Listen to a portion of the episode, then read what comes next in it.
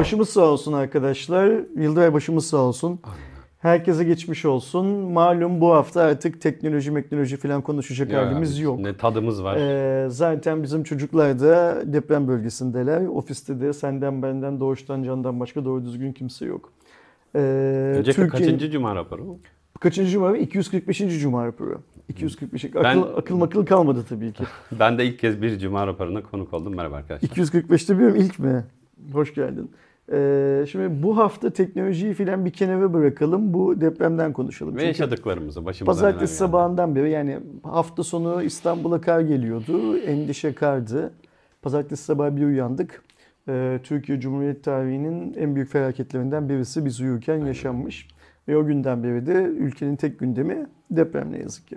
Ee, ve geldiğimiz noktada e, ne yazık ki çok fazla vefat eden insan, ne yazık ki çok fazla yaralı ve ne yazık ki işte bu Maraş, Antep, Adıyaman filan gibi şehirlerin havadan çekilmiş görüntülerine baktığımız zaman e, geriye şehir filan kalmamış. Tabii tabii. Kalmadığını bize gösteren çok üzücü görüntüler var.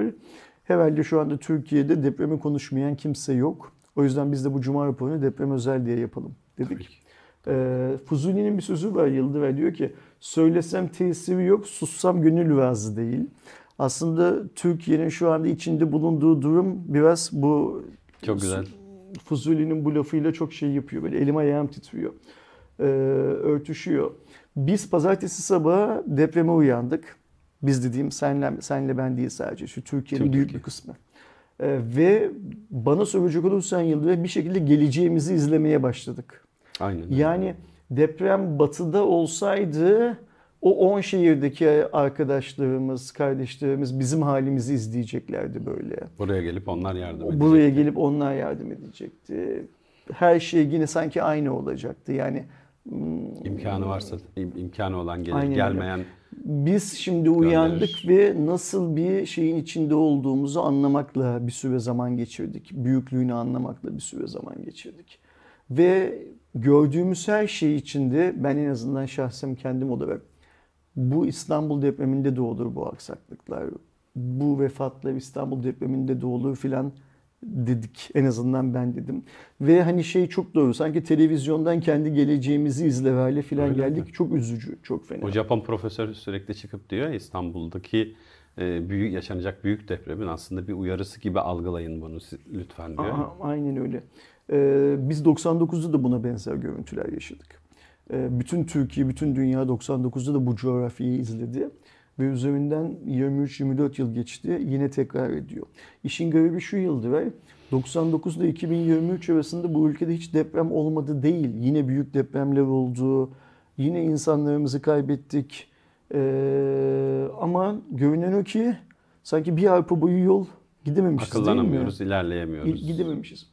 Şimdi Önlem e, alamıyoruz. şeyi bir konuşalım. Pazartesinden bu yana neler yaşadık? Kafamızda neler kaldı?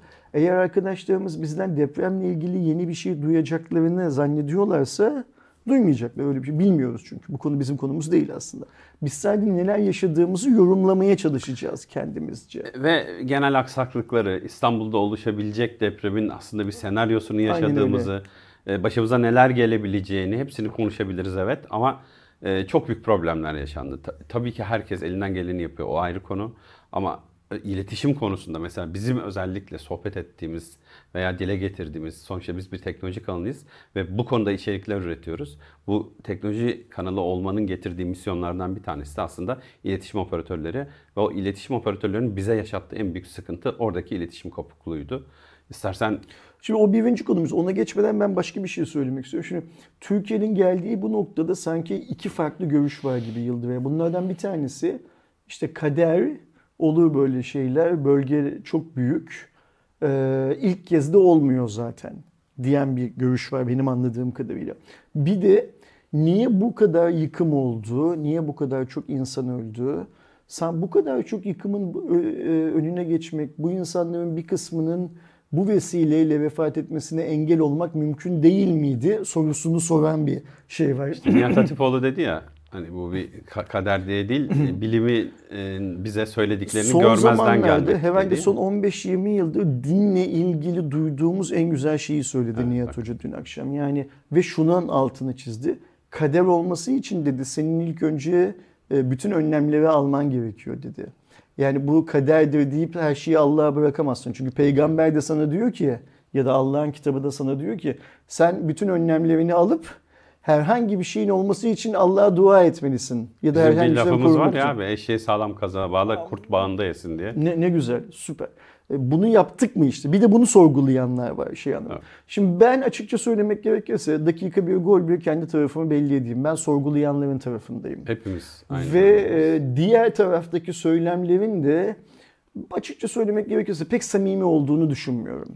E, böyle biraz günü kurtarmak, insanları oyalamak ve insanların içindeki öfkeyi, acıyı e, belli bir seviyede tutmak için yapıldığını Abi şey işte yapıyorum. Öncelikle fay hattı üzerine yapılan şehirleşmelerde yüksek katlı binalara imar izni veren belediyelerden, bakanlıklardan yani sayabileceğimiz o kadar çok şey var ki o binanın altında kolonu keseni mi söyle, söylenelim. Yani her birine ayrı söylenmek lazım. Alan açılsın diye değil mi? Kolon kesiyorlar. Genel baktığımız zaman şeye e, yaşadığımız felakete 10 ilimizde 6000'den fazla bina yıkılmış. İstanbul için baktığımızda perspektifte. 6000 iyimser bir rakam büyük tabii bir bu arada tam sayılmamıştır hala. Ee, İstanbul'da baktığımızda uzmanlar diyor ki 50-60 bini bulacak bu rakam. Şimdi 6000 bina yıkıldı diyelim ki mesela bir hesap yapıyorduk ya ne kadar neyle karşılaşabiliriz? Karşımızdaki felaketin büyüklüğü ne olabilir? Matematik diye bir şey var. Evet yani de, şöyle düşündük. Alt, ortalama kat yüksekliklerini de hani görünce hani 10 kat olsa ortalama, her katta 2 daire olsa, her dairede 3 insan yaşasa, yani ortalama yıkılan bir binada 50 kişi vefat etmiş olsa diye diye böyle aman Allah'ım nasıl büyük bir kabusa uyandık, nasıl büyük bir felaket bu deyip Ersin'le birlikte böyle içimizin cız ettiği anlar yaşadık. Gözlerimizin dolduğu, çok çok e, yaşadığımız durumdan nasıl kurtulacağımız, o bölgelerin, o bölgedeki insanın nasıl bir felaketle baş ettiğini veya baş ettiği olacağını ilerleyen günlerde e, çünkü 99 depremini çok yakından e, yaşayan bir insan olduğum için senaryoların tamamını çok iyi biliyorum. Üçüncü günden, dördüncü günden sonra hala insan, canlı insan çıkartıyorduk ama ve lakin ortalıkta nefes alamıyorduk kokudan ve özellikle Ağustos ayı olması nedeniyle çok sıcak bir hava vardı. E, vefat eden insanların kokuları hepimizi orada öldürüyordu. Yani biz e, günlerce 10-15 gün boyunca orada çalıştık. O çalıştığımız bu arada Zonguldaklı maden işçileriyle. Yani alana en geç giden ekip aslında Zonguldaklı maden işçileri oldu. Onları da askeri helikopterle getirdiler. Ki aslında ilk anda hemen gitmesi gereken ekipti Zonguldaklı maden işçileri. Çünkü en tecrübeli, en iyi işi bilen adamlar ve gerçekten de çalıştıkları yerde mucizelere tanık olacağınız adamlardır. Ee, en geç gidenlerdi bu arada. Onlarla birlikte çalıştık ve yaptıkları, başardıkları mucizelere e, inan, inanın hani ben insan olarak yani hiçbir tecrübem olmayarak abi ne yapayım yani su taşıyayım size hani ne istiyorlarsa yapayım da o kadar güzel sistemli çalışıyorlardı ki. Kötü olan şey ne? 23 yıl sonu neredeyse aynılarını yaşadık değil mi? Ve neredeyse hiçbir ilerleme yok. Aynen. Şimdi e, operatörler dedin. Operatörlerle başlamak lazım. Şey. Bana soracak olursan operatörler yine sınıfta kaldılar. Yani 99 depreminden sonra birçok şey yapıldı. İşte bu yakın dönemdeki depremlerde İzmir'de yine Doğu Anadolu bölgesinde filan çok hazırlıksız yakalandıklarını vesaire vesaire dile getirdiler filan. Bu arada şeyi gördük. Drone seller, drone seller hikaye, yalan tabii onlar. Onların yalan olduğu çıktı ortaya. Sanırım Türksel Genel Müdür Yardımcılarından birisi de açıklamış zaten. Yok elimizde öyle bir şey diye. Teorik olarak zaten bugünün teknolojisinde olması pek kolay da değil. Onu da kabul edelim. Ayrıca bir tane iki tane drone uçursalar bile o kalabalıktaki çok sınırlı sayıda insana hizmet vermek gibi bir şansları işte olacak. Abi, metrekare çok büyük ya. Çok büyük. Ve o kadar büyük metrekaredeki e, yıkılan yüzlerce baz istasyonunun e, yerine aktif baz istasyonları Şimdi, tekrar koyabilmek bir süreç. dediğimiz şey ne olur? Belki kurtarma ekiplerinin anlık görüşmelerini yapabilmeleri için Evet. sırf onlara ayrı tahsis edilmiş Bunun için uydu telefonları da var. bir hizmet olur. Aynen öyle. İşin o tarafına baktığımız zaman bunun içerisinde uydu telefonları da var. Telsizleri de var. Aa, kendi tabii, tabii, telsizleri tabii. de Kendi işleri telsizle haberleşiyorsun. Yani olmayacak bir şey değil. Olacak bir şey ama bunu sanki yapmışız ve bundan sonra depremlerde e, iletişimimiz kesilmeyecekmiş gibi insanlara anlatmak yalandı. Yalan. Bunun yalan olduğunu en başından beri Türkiye'de söyleyen adamlardan bir tanesiydim.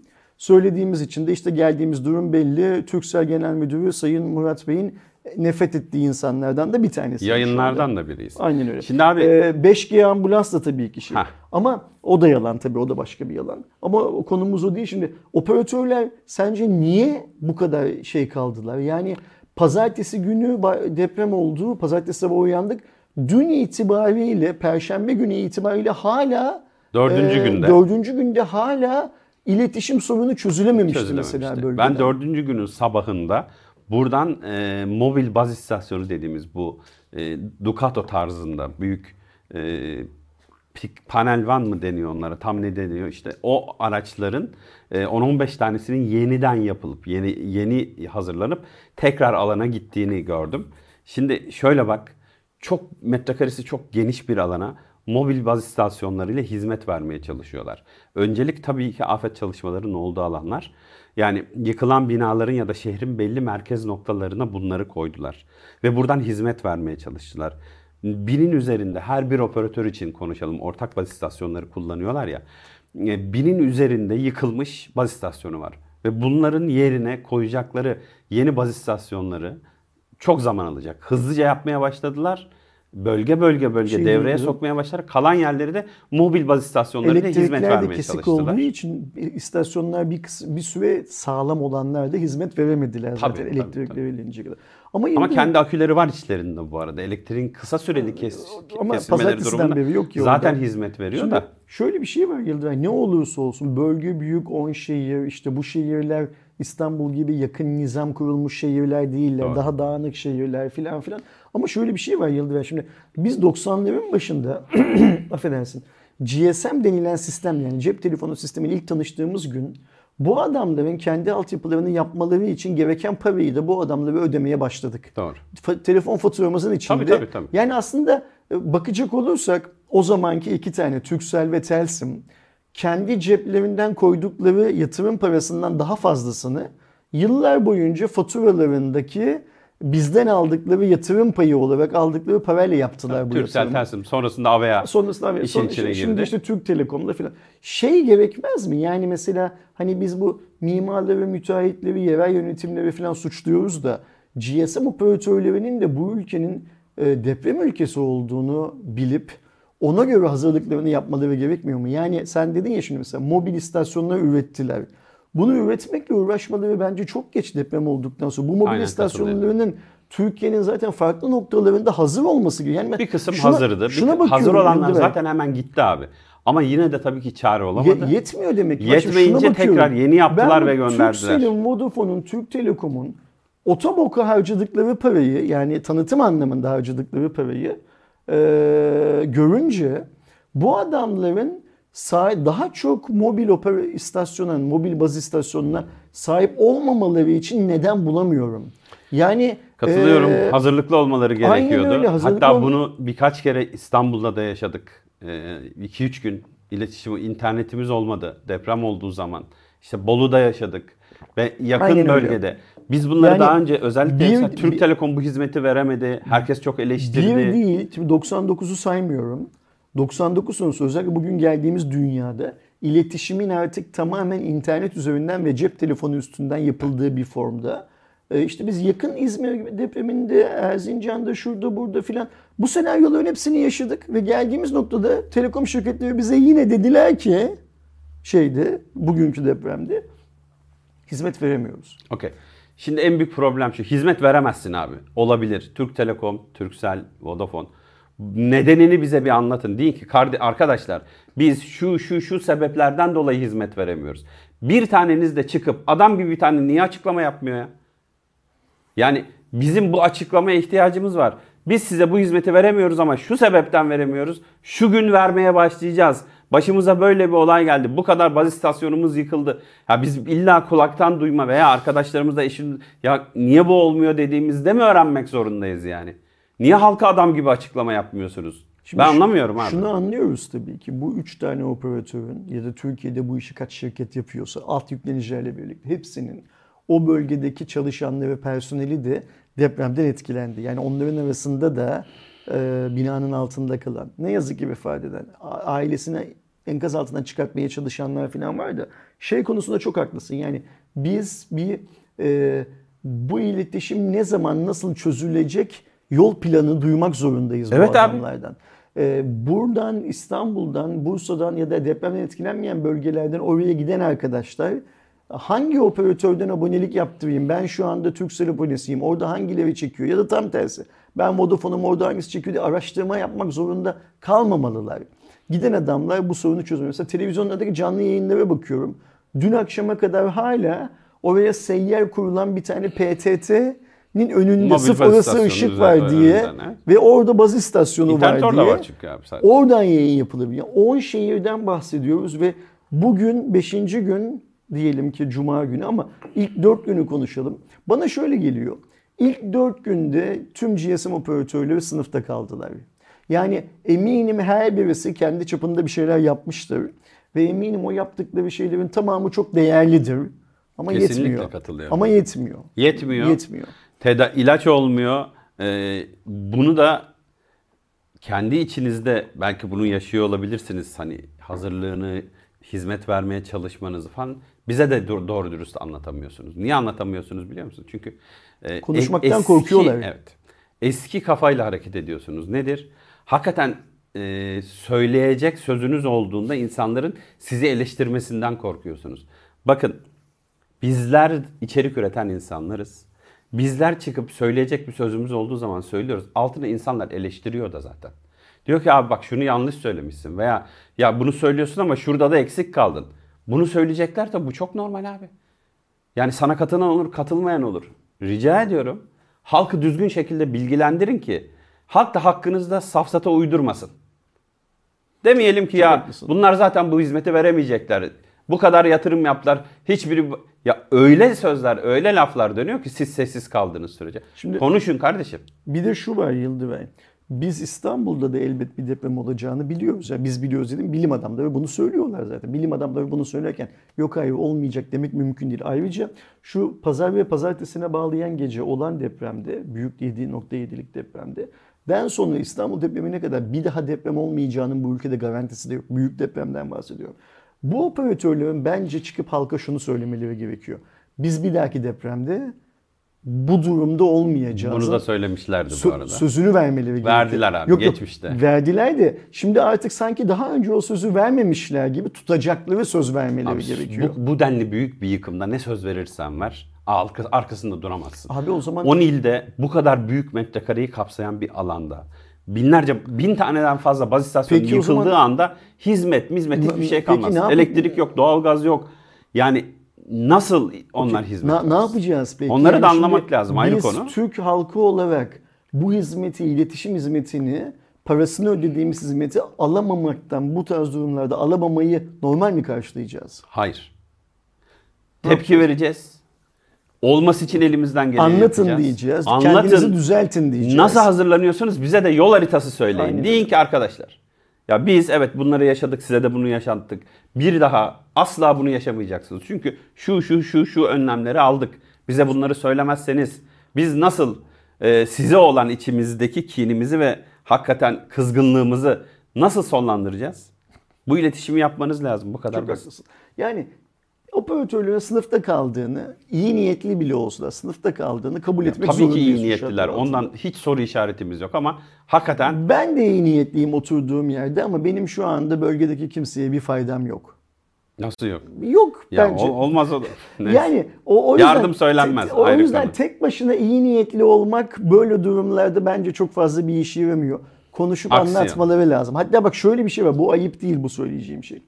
Enkazın altında kalan birisi nasıl yardım çığlığında bulunuyorsa bu operatörlerimizden de birisinin orada bir adama ihtiyacı varsa ve o adam gidip senin söylediğin jeneratörün düğmesine basıp bir şeyi fişe takacaksa Bunların da yardım talebinde bulunmaları gerekiyor bence. Kimden yardım isteyecekler biliyorsun? Bölgedeki herkesten. Diyecekler ki bizim bilmem neredeki baz istasyonumuzda birisinin gidip bir düğmeye basması lazım ki biz oraya hizmet verelim. Yani oraya üzerinden. İstanbul'dan adam İletişim. gitmesini, Kayseri'den adam gitmesini, Sivas'tan adam gitmesini beklememeli. Ama şimdi şöyle bir şey çok haklısın. Operatörler dört günden beri susuyorlar. Te en iyi söyledikleri şey çok üzgünüz. Bence kaldılar. İkinci konuya geçelim mi Yıldırım? İkinci Geçelim konu abi, çok uzadı yok denilen Türkiye'de şu anda deprem vergisi. Tamam deprem vergisi diye bir de- vergi yok Türkiye'de. Bunu hepimiz biliyoruz. Evet, evet. Ama d- 1999 yılındaki depremden sonra Ecevit hükümetinin kurdu, koyduğu ve AKP iktidarının da iktidara geldikten sonra düzenli ilk önce iki kere uzatılan, iki yıl üst üste uzatılan, bir yıllık için konulan bir vergi. Sonra uzatılan, sonra AKP hükümetinde iktidara geldikten sonra temelli, düzenli bir vergi olarak hayatımıza soktu. Ve aslında Türkiye'nin depremle ilgili ihtiyaç duyduğu kaynağın sağlanması üzerine en başında kurulmuş olan bir vergi var. Bunu ÖTV de desen, deprem vergisi de desen, bilmem kaç sayılı kanuna göre alınan vergi de desen gerçeği değiştirmiyor. Yani gerçek ne? Biz 1999 yılının sonundan beri neredeyse her birçok harcama kalemimizden bunun içinde iletişim de dahil deprem vergisi adı altında bir vergi ÖTV ödüyoruz. ödüyoruz. Ve bu Bunu deprem sadece vergisi. Yıldıray ile Ersin ödemiyor. Bu ülkedeki herkes ödüyor. Ne alırsak Bu ülkeye içinde var. turist olarak gelen adam da bunu ödüyor kullandığı zaman filan. Ve buna rağmen bu kadar uzun süre deprem vergisi toplanmış olmasına rağmen sanki bu toplanan paralarla da deprem bölgelerine gerekli yatırımlar yapılamamış gibi gösteriyor. Görüyorum ben pazartesi gününden bugüne bölgede yaşananlara baktığım zaman. Sen ne düşünüyorsun? Örneğin AKOM'un 1999 depreminden sonra her mahalleye koyduğu turuncu İstanbul'da değil mi? toplanma noktaları ve acil ihtiyaçlar Konteynerler. konteynerleri vardı. Nerede abi konteynerler? Nerede? Hiç Niye kalktı? Kaç Kime yıldır sordunuz görmüyoruz, da değil mi? kaldırdınız? Çok güzel, süper. Neden bu konteynerler, bu toplanma alanları e, şu anda hayatımızda değiller? Ve Ben- İstanbul depremi Ben beklenirken. son 5-6 yıldır görmüyorum hiçbirisini. Varsa Yok. da görmüyorum. Koydular, kaldırdılar veya dönüştürdüler. Peki Niye bu, yoklar abi? bu şeyler, e, o senin bahsettiğin turuncu konteynerler ilaç olur muydu? En azından anlık ihtiyaçları ilaç olur. Çünkü biz onun o önce ne olduğunu çok güzel biliyorduk. ilaç olurdu. Kazma kürek vesaire gibi e, göçük altından göçük altında kurtarma operasyonu yapmak için gerekli küçük alet edevat olduğunu biliyorduk değil mi? Çadır, uyku tulumu, battaniye filan gibi e, depremden sağ kurtulanların anlık sorunlarını çözebilecek kürek, olan bir şeyler sürü şey olduğunu vardı ya bize öyle söylenmişti. O konteynerin içinde bunu- ışıkları, ışıkları, çok şey falan. Ve İstanbul'da bu kuruldu çok haklısın. Sonra zaman içinde gitti. Ayrıca İstanbul'da bu toplanma alanları da zaman içinde işte AVM'ye, parka, muhtarlık binasına, taksi duvarlarının olduğu lokasyonlara filan çevrildi. Şu anda toplanma... Muhtarlık binası daha fazla bu arada. Öyle mi? Yani ben gördüğüm kadarıyla, şimdi şöyle gördüğüm kadarıyla.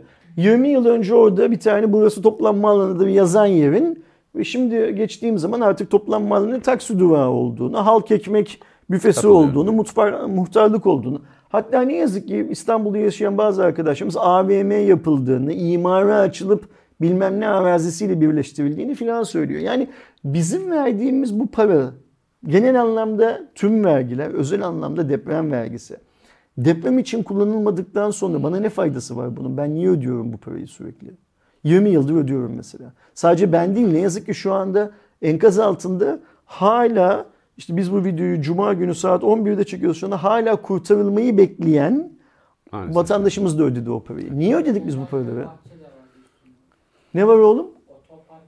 Otopark ve bahçede yapılmış bu arada de- toplanma gibi şey, evin bahçesi. Evin bahçesi. Niye ödüyoruz Yıldıray bu vergileri hala? Ne kadar daha ödeyeceğiz Biz bu bunu hep vergileri? ödeyeceğiz. Bu bunlar, Öyle mi? Evet. Bu hayatımıza o yıllarda girdi Peki, ve kaldı. Deprem olduğu zaman bu bana kazma kürek, yemek, çadır, sıcak çay falan diye gelmeyecek mi asla? Geliyor.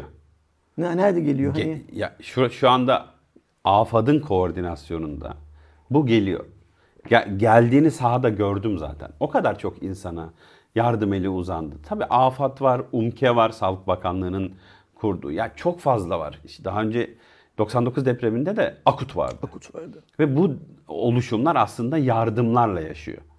Ve biz özel tüketim vergisini hayatımıza girdi 99 depreminde kaldı ve şu anda e, Cumhurbaşkanlığının istediği şekilde de- değiştirip azaltıp arttırabileceği bir kıvama kavuştu. Ee, örnek veriyorum. Elektrikli otomobillerden ÖTV alınmasın gibi bir söylem vardı. MTV. MTV alınmasın gibi bir söylem vardı mesela.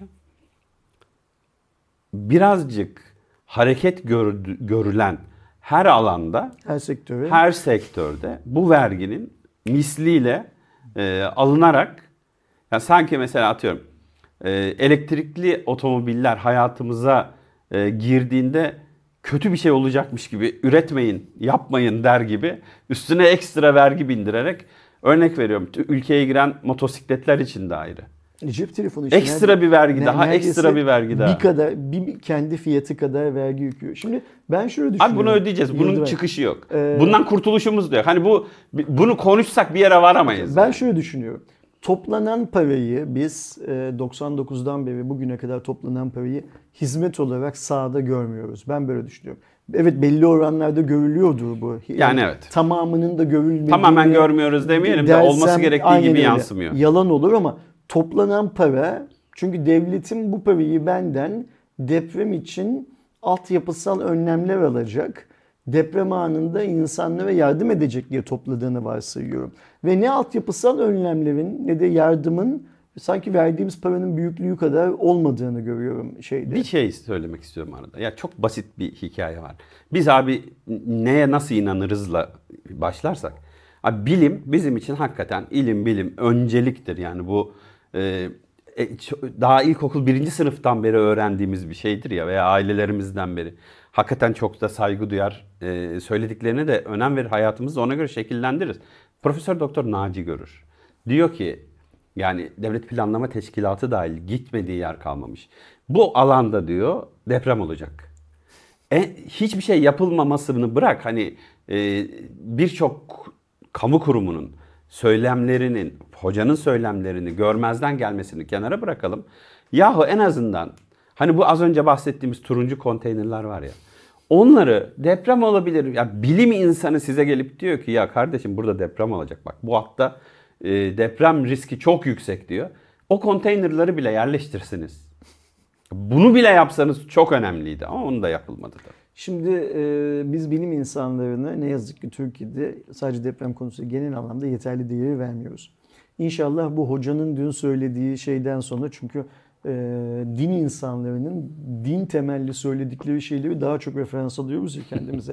İnşallah hocanın dün bilim insanlarına bilime verdiği Kıymeti kıymeti dile getirmesinden sonra umalım ki tüm Türk halkı ve Türk yöneticileri, Türk kamusu her neyse Türk devleti yani bilime gerekli değeri vermeye başlasın. İnşallah. Dini referanslı bile bu destek veriliyor olsa kabulümüzdür bu. Şimdi abi Yani bizim hocanın söylediğini Türk halkı da referans almayıp Hollanda'dan bir tane deprem bilimcinin iki gün önce yaptığı açıklamayı e, aa bak adam bildi depremi bildi falan Ne diye güzel, süper. lanse ediyorlar. Abicim kendi profesörümüz aylardır bunu söylüyor ya. Adam- Siz bunu ciddiye almıyorsunuz. adam yazmış çizmiş daha ne yapsın? Devlete yani? gitmiş, bağırmış, çağırmış. Hayır bir de Adam yapmadığını bırakmamış. Akade- Elinden gelen her şeyi yapmış ya. Akademisyen yazmakla yükümlü adam yazmış bunu. Yani Tabii canım, bir tabii, şey tabii. olarak e, tez olarak tez diyeceğim de değil aslında. Ortaya Bu bir raporla zaten. Aynen öyle. Şimdi önemli gereken olan- yerlere- ak- akademi bunu yapar zaten. Akademi sokağa çıkıp tek tek insanların kırmızı ışıkta karşıdan karşıya geçtikleri için kulaklarını çekmez. Akademi der ki trafik kurallarına uyulmazsa toplumda şöyle şöyle sorunlar çıkar der. Adam yapacağını yapmış zaten kendi görevini ve daha da ileriye gitmiş. Nedir o ileriye gitmek? Senin söylediğin gibi kamu kurumlarıyla ve bunların yöneticileriyle, özel sektörle mümkün olduğu kadar derdini anlatmış. Konuyu sunmuş, istişare İnsanlara etmiş. anlatmış. Bak sana bana arkasında anlatmış. durmuş. Televizyonlara çıkıp anlatmaya Tabii, çalışmış tabii, neler yapmış. bir baskı oluşturabilsin falan. Bunların hiçbirisinde gücü yetmemiş adamcağız. Bizim beyaz yakalı Tiki John John tayfanın Hollandalı'nın iki gün önce söylediği çok daha önemli tabii. Devam edelim böyle. Bir böyle bir başka konu da Yıldırım müteahhitler. Yani sadece orada yıkılan konutlar için falan değil. Orada yıkılan kamu binaları da var. Ve biraz önce söyledik ki şimdi mesela işte hastane yıkılmış. Ee, hastane yıkıldıktan sonra karakol yıkılmış bilmem ne. İşte biliyoruz şimdi. Biz bunlara TOKİ müteahhiti diyoruz abi. Fay üstünden fay üstüne yol yapmışız. Gölü kurutup üzerine havalimanı yapmışız. Havalimanı da şu anda yok. E, yol da çalışmıyor kısmen. Havalim- havalimanında belli bölgelerde kırıklar oluşmuş. O bölgelere baktığımız zaman yer kabuğunun yer değiştirdiğini görüyoruz. Gerçekten o fotoğrafları e, buraya can koyar zaten. Yol geliyor abi, pist geliyor. Kaymış. Kaymış. Yani şimdi Ama bak Burada bu- yapacak çok bir şey yok. Var. Ne var biliyor musun? Göl kurutulurken biraz önce adını andığın e, bilim adamı ve başkaları bu iş doğru bir iş değil. Burada havalimanında buraya yapacak yapmayın. başka yerler var demişler zaten. Ama biz ya, ya dediğim dedik çaldığım düdük mantığından yola çıkmışız. Yine hayır burayı yapacağız. Koca gölü kurutmuşuz. Üstüne şey yapmışız. Havalimanı yapmışız. E, ve ayrıca yaparken de e, malzemeden çalmış mıyız, çalmamış mıyız falan bunlar daha sonra çıkacak ortaya. Çalamazsın abi. Onun belli standardı var. Dünyada mecburen öyle yapmak zorundasın. bir- Ve bunu denetleyen uluslararası kurumlar ve kuruluşlar var. Yap çalamazsın imkanı yok Dene- ama de- denetim konusunda Türkiye'de ne kadar yok. güvendiğimiz Ulus, diyorum ya şey, uluslararası e, kuruluşlar var. Havaalanı inşaatını denetliyorlar. Bu müteahhitler yıldıver. E, yani şöyle söyleyeyim. Deprem öldürmez, e, kötü yapılmış inşaat öldürür falan var ya. Bu inşaatın kaynağı da müteahhitler. Bize bu evleri satarlarken dünyanın parasına işte depreme dayanıklı bilmem ne falan diye satıyor. Nitekim şu anda bölgedeki en çok konuşulan lüks konutların da müteahhiti yurt dışına kaçmış galiba daha işte bu olaylar olmadan bir süre önce. Bundan bir yıl önce, bir buçuk yıl önce falan oranın lansmanını yaparken bölgedeki en güvenli ve en lüks konutlar diye yapmış oranın lansmanını. Müteahhitler nasıl denetlenecek bu ülkede? Yani biz satın aldığımız ya da oturduğumuz ya da babadan miras kalan evin güvenli olduğunu nasıl ikna olacağız? Vallahi bir şey söyleyeceğim abi. Bu o kadar acı bir konu ki. Ee, inan Çevre Şehircilik Bakanlığı şu anda bunun standartlarını belli bir level'a getirdi. Yani belli bir seviyede artık biz e, deprem yönetmeliğine uygun konutlar yapıyor hale geldik. Ama adam deprem yönetmeliğine uygun konu, konut yapıyor. Mesela şöyle bir şey duyuyorum ya kafayı yedim yani. Çıldırıyorum anlatırken de acayip sinirleniyorum. Denetime gelecekleri zaman müteahhit denen Allah'ın hayvanı Ne yazık ki. C30 depreme dayanıklı to- e, Beton. betonun belli bir standardı var. C30, 33 diye devam eder. C30 beton döküyor depreme gelecekleri zaman. Çünkü depreme pardon denetime gelecekleri Öncesi zaman. sonrası, bir önceki, denetime birincisi. gelecek adamı biliyor. Tamam mı? C30 dolduruyor. Denetimden gittikleri anda hemen diyor ki diğerinden, Diğerinden. getir. Yani böyle müteahhit. Bakın bunu bana söyleyen müteahhit. Yanlış anlaşılmasın. Hani ben bunu nereden biliyorum? Bunu yapan adam müteahhit. Çok güzel bir fotoğraf dönüyordu. Can yine onu o şeye koy. Ee, yurt dışında bir tane merdiven yapmışlar.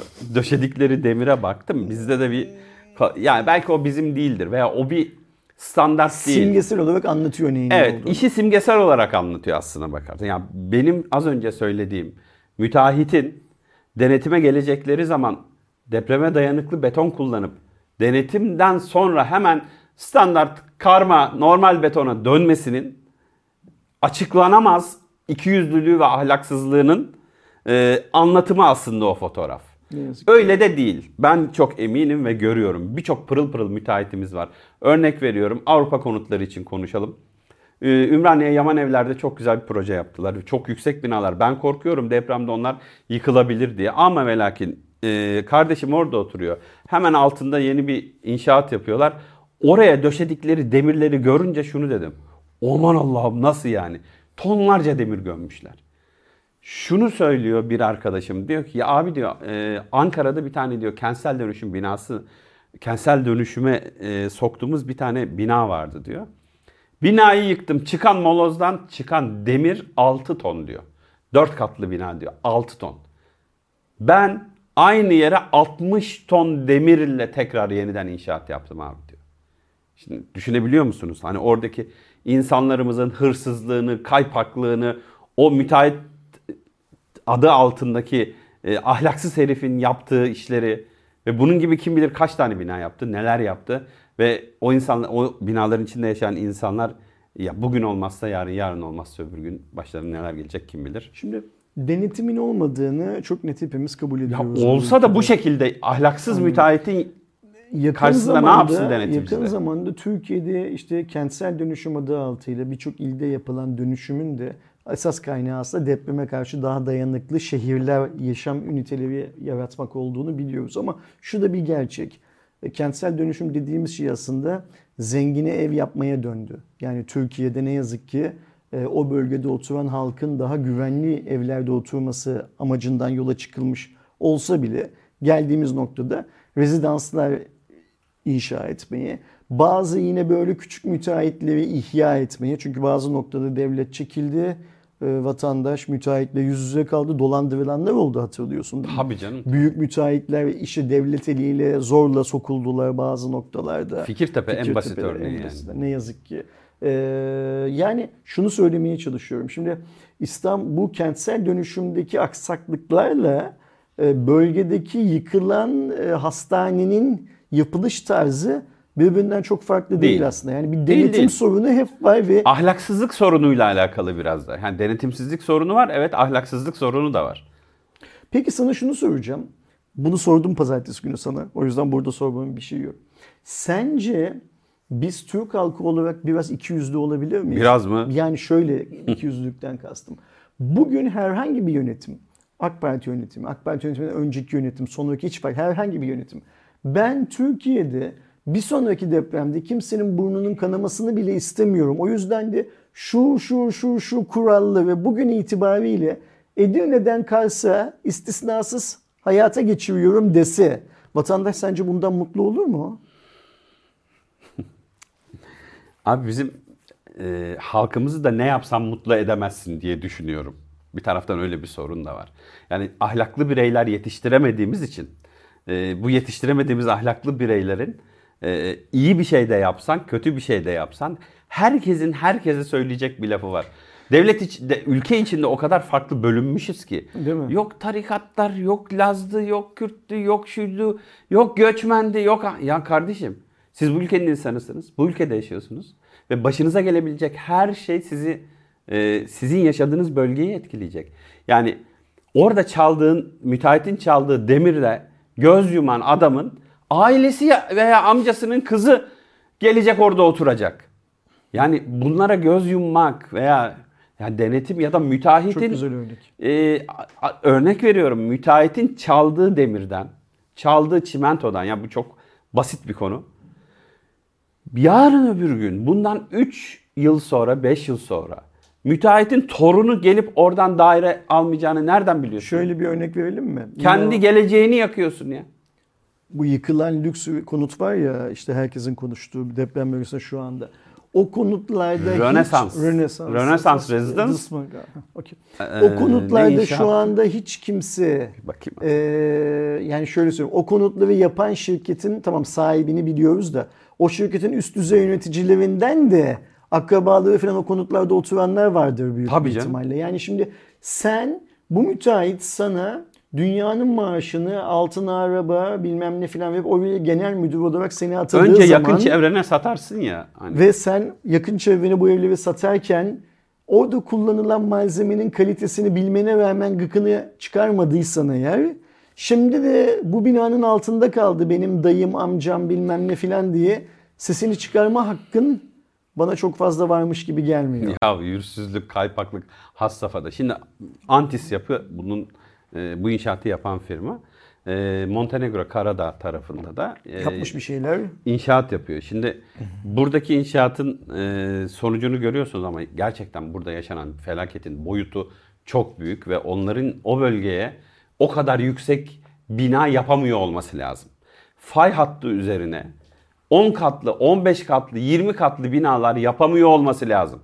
Bu aslında antis yapına kadar sorumluysa oraya bu izni veren e, bölgenin fay bölgesi olduğunu bile bile bilimi göz ardı ede ede oraya bu inşaat izinlerini verenlerin tamamı da bundan sorumludur. Yazık ki. E, tabii ki antis yapı bina böyle yatmış bu arada. Hani e, Düşmüş bina. alt tarafında problem var. Niye? E, vuran depremin videolarını izledim. Hani böyle alttan yukarıya doğru bir sonra camın kırıldığı bir video var. Can onu buraya da koysun. Yani abi onun üzerinde ne olursa olsun dur- duramaz zaten. Yani bu yıkımın büyüklüğü e, gerçekten çok normal. Katılıyorum. Sorumlular kim? Bence e, Antis yapı ne kadar sorumluysa oraya o inşaat iznini veren, e, bölgedeki kamu kurumu, bunları denetlemeyen, e, inşaatın kumuna, kumuna veren, çimentosunu veren. Abi şöyle adam e, yıkılan, ya kötü bir örnek daha vereceğim de, yıkılan inşaattan şöyle elini sokuyor, düf- böyle dağılıyor. Ne yazık ki. O nasıl tutacak? Şimdi o nasıl dayanacak bu depreme? 99 depreminde de Veli Göçevi günah keçisi ilan ettik. Çınarcık'taki evleri E, günah keçisiydi zaten abi. Eyvallah. İtirazım yok buna. Söylemeye çalıştığım şey şu. Veli Göçevi yargıladık, hapsettik. Sonra bir af çıkarttık. Ee, cezasının yarısını çekmişken ta- Rahşan ta- affından ta- yararlandı tahliye galiba, değil mi? ettik filan filan. 18 Ama yıl hapse bu- mahkum Burada olmuş. önemli olan şey şu Yıldıray. Bu inşaat hani diyorsun ya buna izin veren de suçlu. Bence izin veren inşaatı yapandan daha çok suçlu. Tabii canım. Yani biz- Belli paydaşları var yani. Aynen öyle. Biz sadece veli göçerleri cezalandırarak bu sorundan şey yapamayız. Ee, tekrarlamasını engelleyemeyiz. Bizim kamu otoritesinin veli göçer gibi kulaklarını çınlatıp duyuyoruz adamın da bu olayla hiçbir şeyi yok, alakası yok ama e, Zamanında o kadar Aynen can yaktı ki abi kimse kusura bakmasın can yani. yaktı Ki, e, müteahhitlerin bunu yapmaya cesaret edemeyecekleri, müteahhitler böyle bir şey yaptığı zaman görmezden gelen kamu yönetimindeki insanların bireysel olarak o işin içinde bulunmaya cesaret edemeyecekleri çok katı kurallar koymamız Ağır gerekiyor. ceza. Ağır cezalar. Bunları koymamız ağır gerekiyor. cezada yargılayacaksın abi Yani zaten. Nerede yargılarsan yar- yargıla. Şimdi Veli Göçer'e 15 yıl mı ne vermişsin? 7,5 18 yıl 18 aldı. vermişsin. 7,5. yılında Rahşan affına uğramış. Çıkmış. Bu bence şey değil. O nasıl cez- affın ce- içine girmiş Bu ce- ki? ceza değil, Değil yani. canım. 15 yıl da ceza değil ayrıca. Tabii Ee, abi 1015 yıl yatması lazım ölen insanlara baktığın ölen zaman. insanlara baktığınız Şimdi mesela neydi bu Rönesans konutları? Rönesans Residence. Residence'daki a- beyefendi. Ya çok güzide bir inşaat firmamızın Rönesans gayrimenkulün adını koymuş oraya. Hani konuyla hiç alakası yok bu Rönesans'ın bilginiz Şimdi olsun. bu adam işte Karadağ'a kaçmış orada bazı işler yapıyor ya da gitmiş diyelim her ne Karadağ'sıysa. Bu adama verilecek olan bundan 3 yıl 5 yıl sonraki 15 yıl 20 yıllık ceza bu olanı ben benim vicdanımda şey yapmıyor. e, temizlemiyor. Ayrıca şöyle bir şey var. Bu adam bu inşaatı yaparken e, şimdi bu adama diyelim ki Karadağ'dan getireceğiz bu adamı. 15 yıl değil 55 yıl ceza verelim. 155 yıl ceza verelim.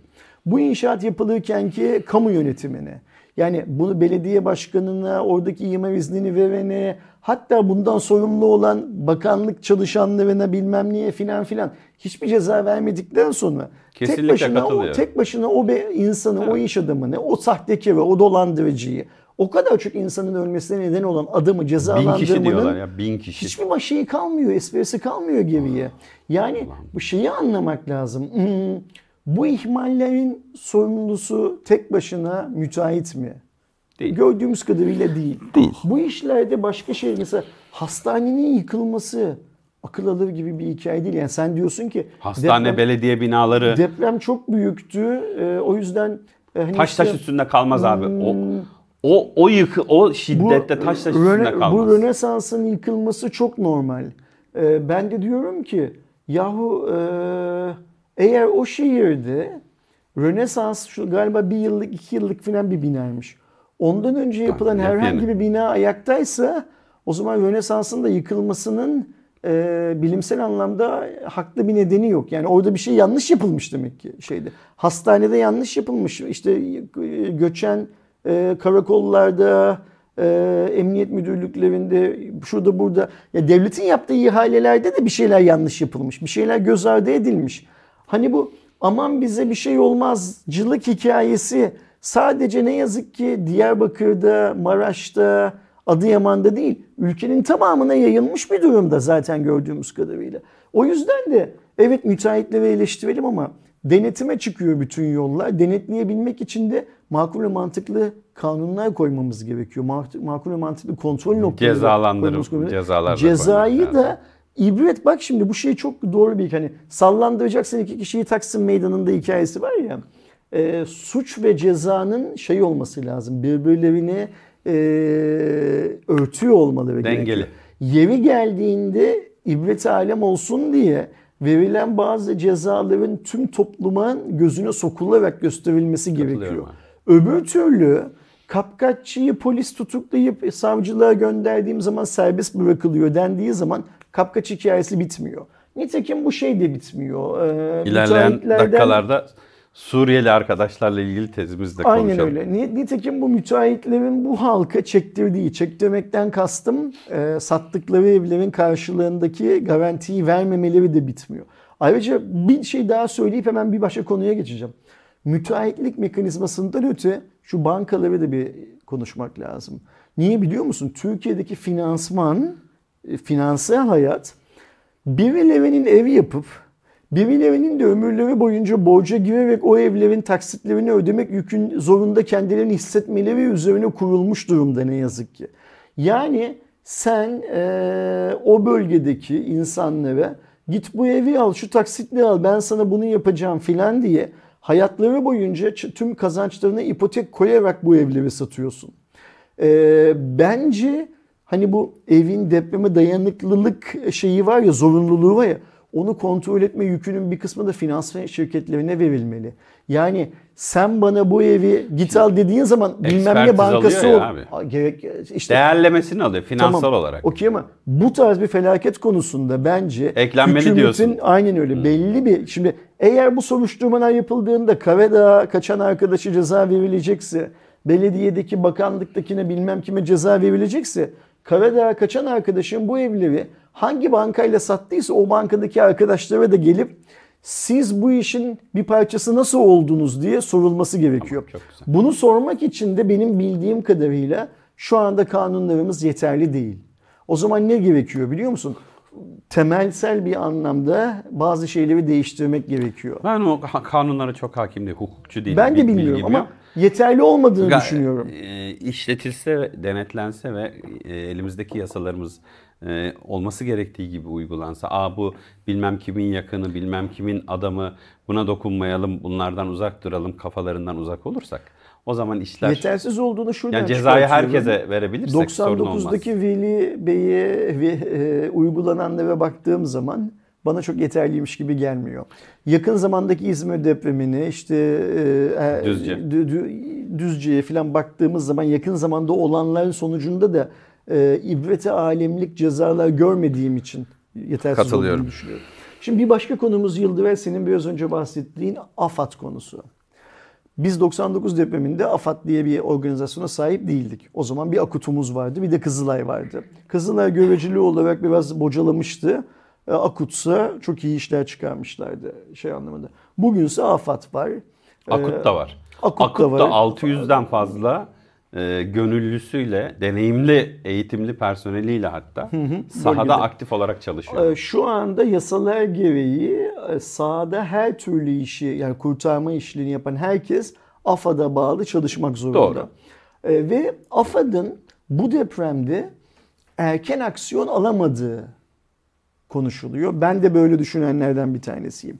Gerekli zamanda oyuna giremediği yani gerekli zaman dediğim Ondan ziyade pazartesi- koordinasyon eksikliği var daha fazla dendi. de, deniyor. Örnek Ben, veriyorum ben de mesela böyle düşünüyorum. biri çıkmıştı. Kimdi? Ha Gökhan Zan. Ya kepçeler gelmiş. Aynen öyle. E, müdahale edecekler. Akut'tan izin bekliyorlar. Ya girsenize kardeşim diyor mesela. AFAD'dan. AFAD'dan AFAD'dan izin izin bekliyor özür dilerim. E, girsenize kardeşim niye bekliyorsunuz? Ne onayı ne izni haydi falan diye. Şimdi bu tarz e, doğal afetlerde bölge insanıyla STK'larla birlikte çalışılmadan o çok önemli olan ilk saatleri çok efektif geçirmek mümkün değil gibi geliyor bana. Mümkün olmadı da zaten. Yani, Yani e, mesela bir günün neredeyse biz bir 24 saati kaybettik. abi. kaybettik. Yani bunu çok En, haklısın. en, çok haklısın. en büyük problemimiz bu zaten. Ve şöyle şeyler çıktı şimdi ortaya. Doğruluğunu yanlışlığını ilerleyen günlerde göreceğiz. O gün deprem oluyor. Daha gün ağırmadan AFAD gerekli raporları gerekli bakanlıklara iletiyor. Ön raporları iletiyor. Ee, Mesai saati başlamadan hatta bu raporlar gidiyor bazı bakanlıklara anladığım kadarıyla. Ama işte olayın ehemmiyeti o gün mesai saatleri içinde gördüğümüz kadarıyla anlaşılamıyor pek fazla. Ve senin söylediğin neredeyse bir 24 saat Kaybettik. kaybediliyor. Hata hata çok var. Saymaya başlarsak birçok var ama genel perspektife bakmak lazım. Şöyle görüyoruz. herkes elinden geleni fazlasıyla yapıyor. Allah bin kere razı olsun. Tabii canım o, o konuda Yani hiçbir şeyimiz yok. canlarını dişlerine taktılar. Günlerdir uyumuyor arkadaşlar. Ve birçok arkadaşım var içlerinde çalışan. Yani e, iletişim halindeyiz. Sürekli konuşuyoruz. Neler yaşadıklarını çok yakından biliyorum. E, gerçekten hem AFAD'ın içinde hem UMKE'de hem diğer organizasyonlarda, e, AKUT'ta da aynı şekilde arkadaşlarım var. Hepsinin neler yaptığını çok iyi biliyorum. Biz de buradan onlara destek olabilecek gerekli yardımları, ne ihtiyaçları varsa organize edip yollamaya çalıştık elimizden geldiğince. Çünkü gelmeyin dedikleri için gitmedik. Tecrübeli ya da bir yere bağlı olan, iyi eğitimli olan insanlar gelsin dediler. Şimdi hikayenin en büyük problem, yaşanan en büyük problem de iletişim zaten olmadığı için hani birbirleriyle doğru dürüst konuşamıyorlar da sahadaki adamlar. Örnek veriyorum X köye yardıma giden adamların bir başlarına gelecek lastik patlamasını haber verecek iletişim ağı çalışmıyor ya. Ne yazık ki. Şimdi bu çatı çöktüğü anda, o iletişim çatısı çöktüğü anda yardım kuruluşlarının da efektif ve koordineli çalışma sistemi bir anda ortadan kalkıyor. Yani orada abi gireyim mi diye onay almaya çalışan kepçeci var ya hani Gökhan Zan'ın söylediği. Ulaşamıyor ki alsın adam. Aynen. Şimdi şöyle bir şey var. Yani operatörlerin eksikliğinin sahaya yansıması, e, iletişim ağının çökmesinin sahaya yansıması birçok insana hayatına mal olmuş Neremiz olabilir. doğru ki'ye geliyor işine dönüp baktığımız zaman. Şimdi ben Türkiye'nin büyük bir kısmında dolaşmış bir insan değilim. Benim gittiğim 81 ildeki sayı herhalde 10 filandır, 15'tir bilmiyorum. Çok azdır diye tahmin ediyorum. Ama son zamanlarda yaptığım gezilerde birçok şehirde koca koca afat binalarını filan görüyorum. Ee, gittiğim yerlerde. Yeni yapılmışlar bir de bu binalar. Hallerinden filan belli. Şimdi benim anladığım kadarıyla AFAD bir orkestra şefi görevi görmek zorunda olan bir Mecburen. kurum. Tabii. Ee, buralara tek başına müdahale edebilecek e, şeyi yok. Adını sen söyle. İnsan gücü yok. İşte o insan gücü kim? Gönüllüler, STK'lar. Senin biraz önce adını saydığın UMKE, Kızılay, Akut vesaire AFAD da vesaire Kızılay entegre hareket ediyor. şeyler. Bunların tamamını AFAD doğru çalıştırmak görevine Evet, sahip. doğru. Ama nasıl işinde uzman bir orkestra şefi herhangi bir orkestranın başına geçip mükemmel işler çıkartıyorsa ben oraya geçip o çubuğu elime alıp salladığım zamansa hani bu bizim çocukluğumuzda çizgi filmlerde olurdu. Temel Reis'te şurada burada filan e, saçma sapan sesler çıkartırsa orkestra. Sanki bugün yaşadığımız depremde de bu orkestra diyeceğimiz kurtarma ekipleri iyi yönetilemedi gibi Tabii geliyor. zaten en büyük problem En başından orada. beri. De yani ülkemizin liyakat sorunu var ya. Yani birilerine yakın olduğun zaman başka bir göreve kolaylıkla getirilme hikayesi veya e, ticaret hayatı da böyle ülkede. Hep böyle bir bir kısma, bir e, zümreye yakın olduğun zaman işlerin tıkırında gidiyor, e, hayatın devam ediyor. Şimdi bu bu hikaye, liyakat sorunu Afat burada. yöneticilerinden bir tanesi için bir tane bakanın eniştesi mi dayısı mı ne olduğu Doğru. konuşuluyor sosyal medyada. Ee, bu tabii ki çok istediğimiz bir durum değil. Ancak şöyle Bundan önce şey yaptığı işlere baktığında da Şimdi bir adam Tecrübe konusunda çok eksik. eniştesi ya da dayısı diye hak ettiği bir göreve gelmesin mi Ersin diyeceksiniz bana. Gelsin görev hak ettiği Hak ediyorsa gelsin tabii canım. Geriye dönüp bak yaptığı işte baktığımızda baktığımızda işte senin bu söylediğin İmam Hatip mezunu İlahiyat Fakültesini bitirmiş beyefendi. Eyvallah. Ee, sonrasında Emniyet Genel Müdürlüğü'nün galiba bu inşaatlardan sorumlu filan din adamı olsun abi. Aldığı eğitim onu gösteriyor. genel yani. müdürlüğünü filan yapmış ve şimdi AFAD'da üst düzey yöneticisi. Böyle profillerle karşılaştığımız zaman da hani bu orkestra şefinin işini doğru düzgün yapmadığı sanki bilinçlerde, belleklerde biraz daha fazla yer Yapamaz ediyor. ki abi. Ne, ne geçmişi var? Hani nasıl becersin o adam? O adamı oraya koyan zihniyet zaten. Sonra şöyle bir hikaye var. Yine şu turuncu konteynerlara geleceğiz. AFAD'ın Türkiye'nin 81 ilinde bir yığın gönüllüsü var. Bu çok normal ve güzel bir şey. Olması gereken şey bu zaten. Biz AFAD'ın bütün Türkiye'de 100 bin 200 bin insan istihdam edip böyle olaylara e, ak- müdahale etmesini zaten beklemiyoruz. Çünkü 100 bin 200 bin insanın maliyetini karşılayamayız zaten. Ama ne olacak? AFAD gönüllülerini uygun yerlere sevk edebilecek organizasyonel yeterliliğe sahip olacak. Şimdi mesela AFAD gönüllülerinin İstanbul Sabiha Gökçen Havalimanı'nda 8 saat 6 saat bekleyip uçağa binemediklerini filan biliyoruz. Sen Sabiha Gökçen'de ya da herhangi bir yerde 6 saat beklettiğin adamı uçağa bindirip bölgeye göndersen bile O adam 6 saat yoruldu Yıldırım Havalimanı'nda zaten. Evet. Ya da e, Doktorlarımız havaalanlarında Keza. bekletilip evlerine ya da sen gönderildi. ben ya da sen ben ben artık yaşlıyım da benim zaten gidip orada bir şey yapabilme bence kapasitem yok. Genç insanların orada olması gerekiyor. Ki genç Afat arkadaşlarımız gitti. ekibimizden gitti Ee, oradalar. Afat gönüllüsü adam Adıyaman'a gittiği zaman nereden gitsin? Mesela Trabzon'dan gitsin. Dört arkadaş birleştiler ki böyle giden çok fazla. Bindiler kendi arabalarına. tabii. Gittiler. Adıyaman'da şimdi mesela sen, ben, Doğuş, Can dördümüz gittik. Senin arabaya bindik gittik. Dördümüz de Afat gönüllüsüyüz. Adıyaman'da bir şehir merkezi, otogar falan gibi olan bir yere geldik ya. Bizim orada hemen kendimizin Afat gönüllüsü olduğumuzu ispat edeceğimiz ve şuraya gidin şu işi yapın diye direktif alıcı. Öyle biz gönüllüyüz oraya. Şey için gitmedik.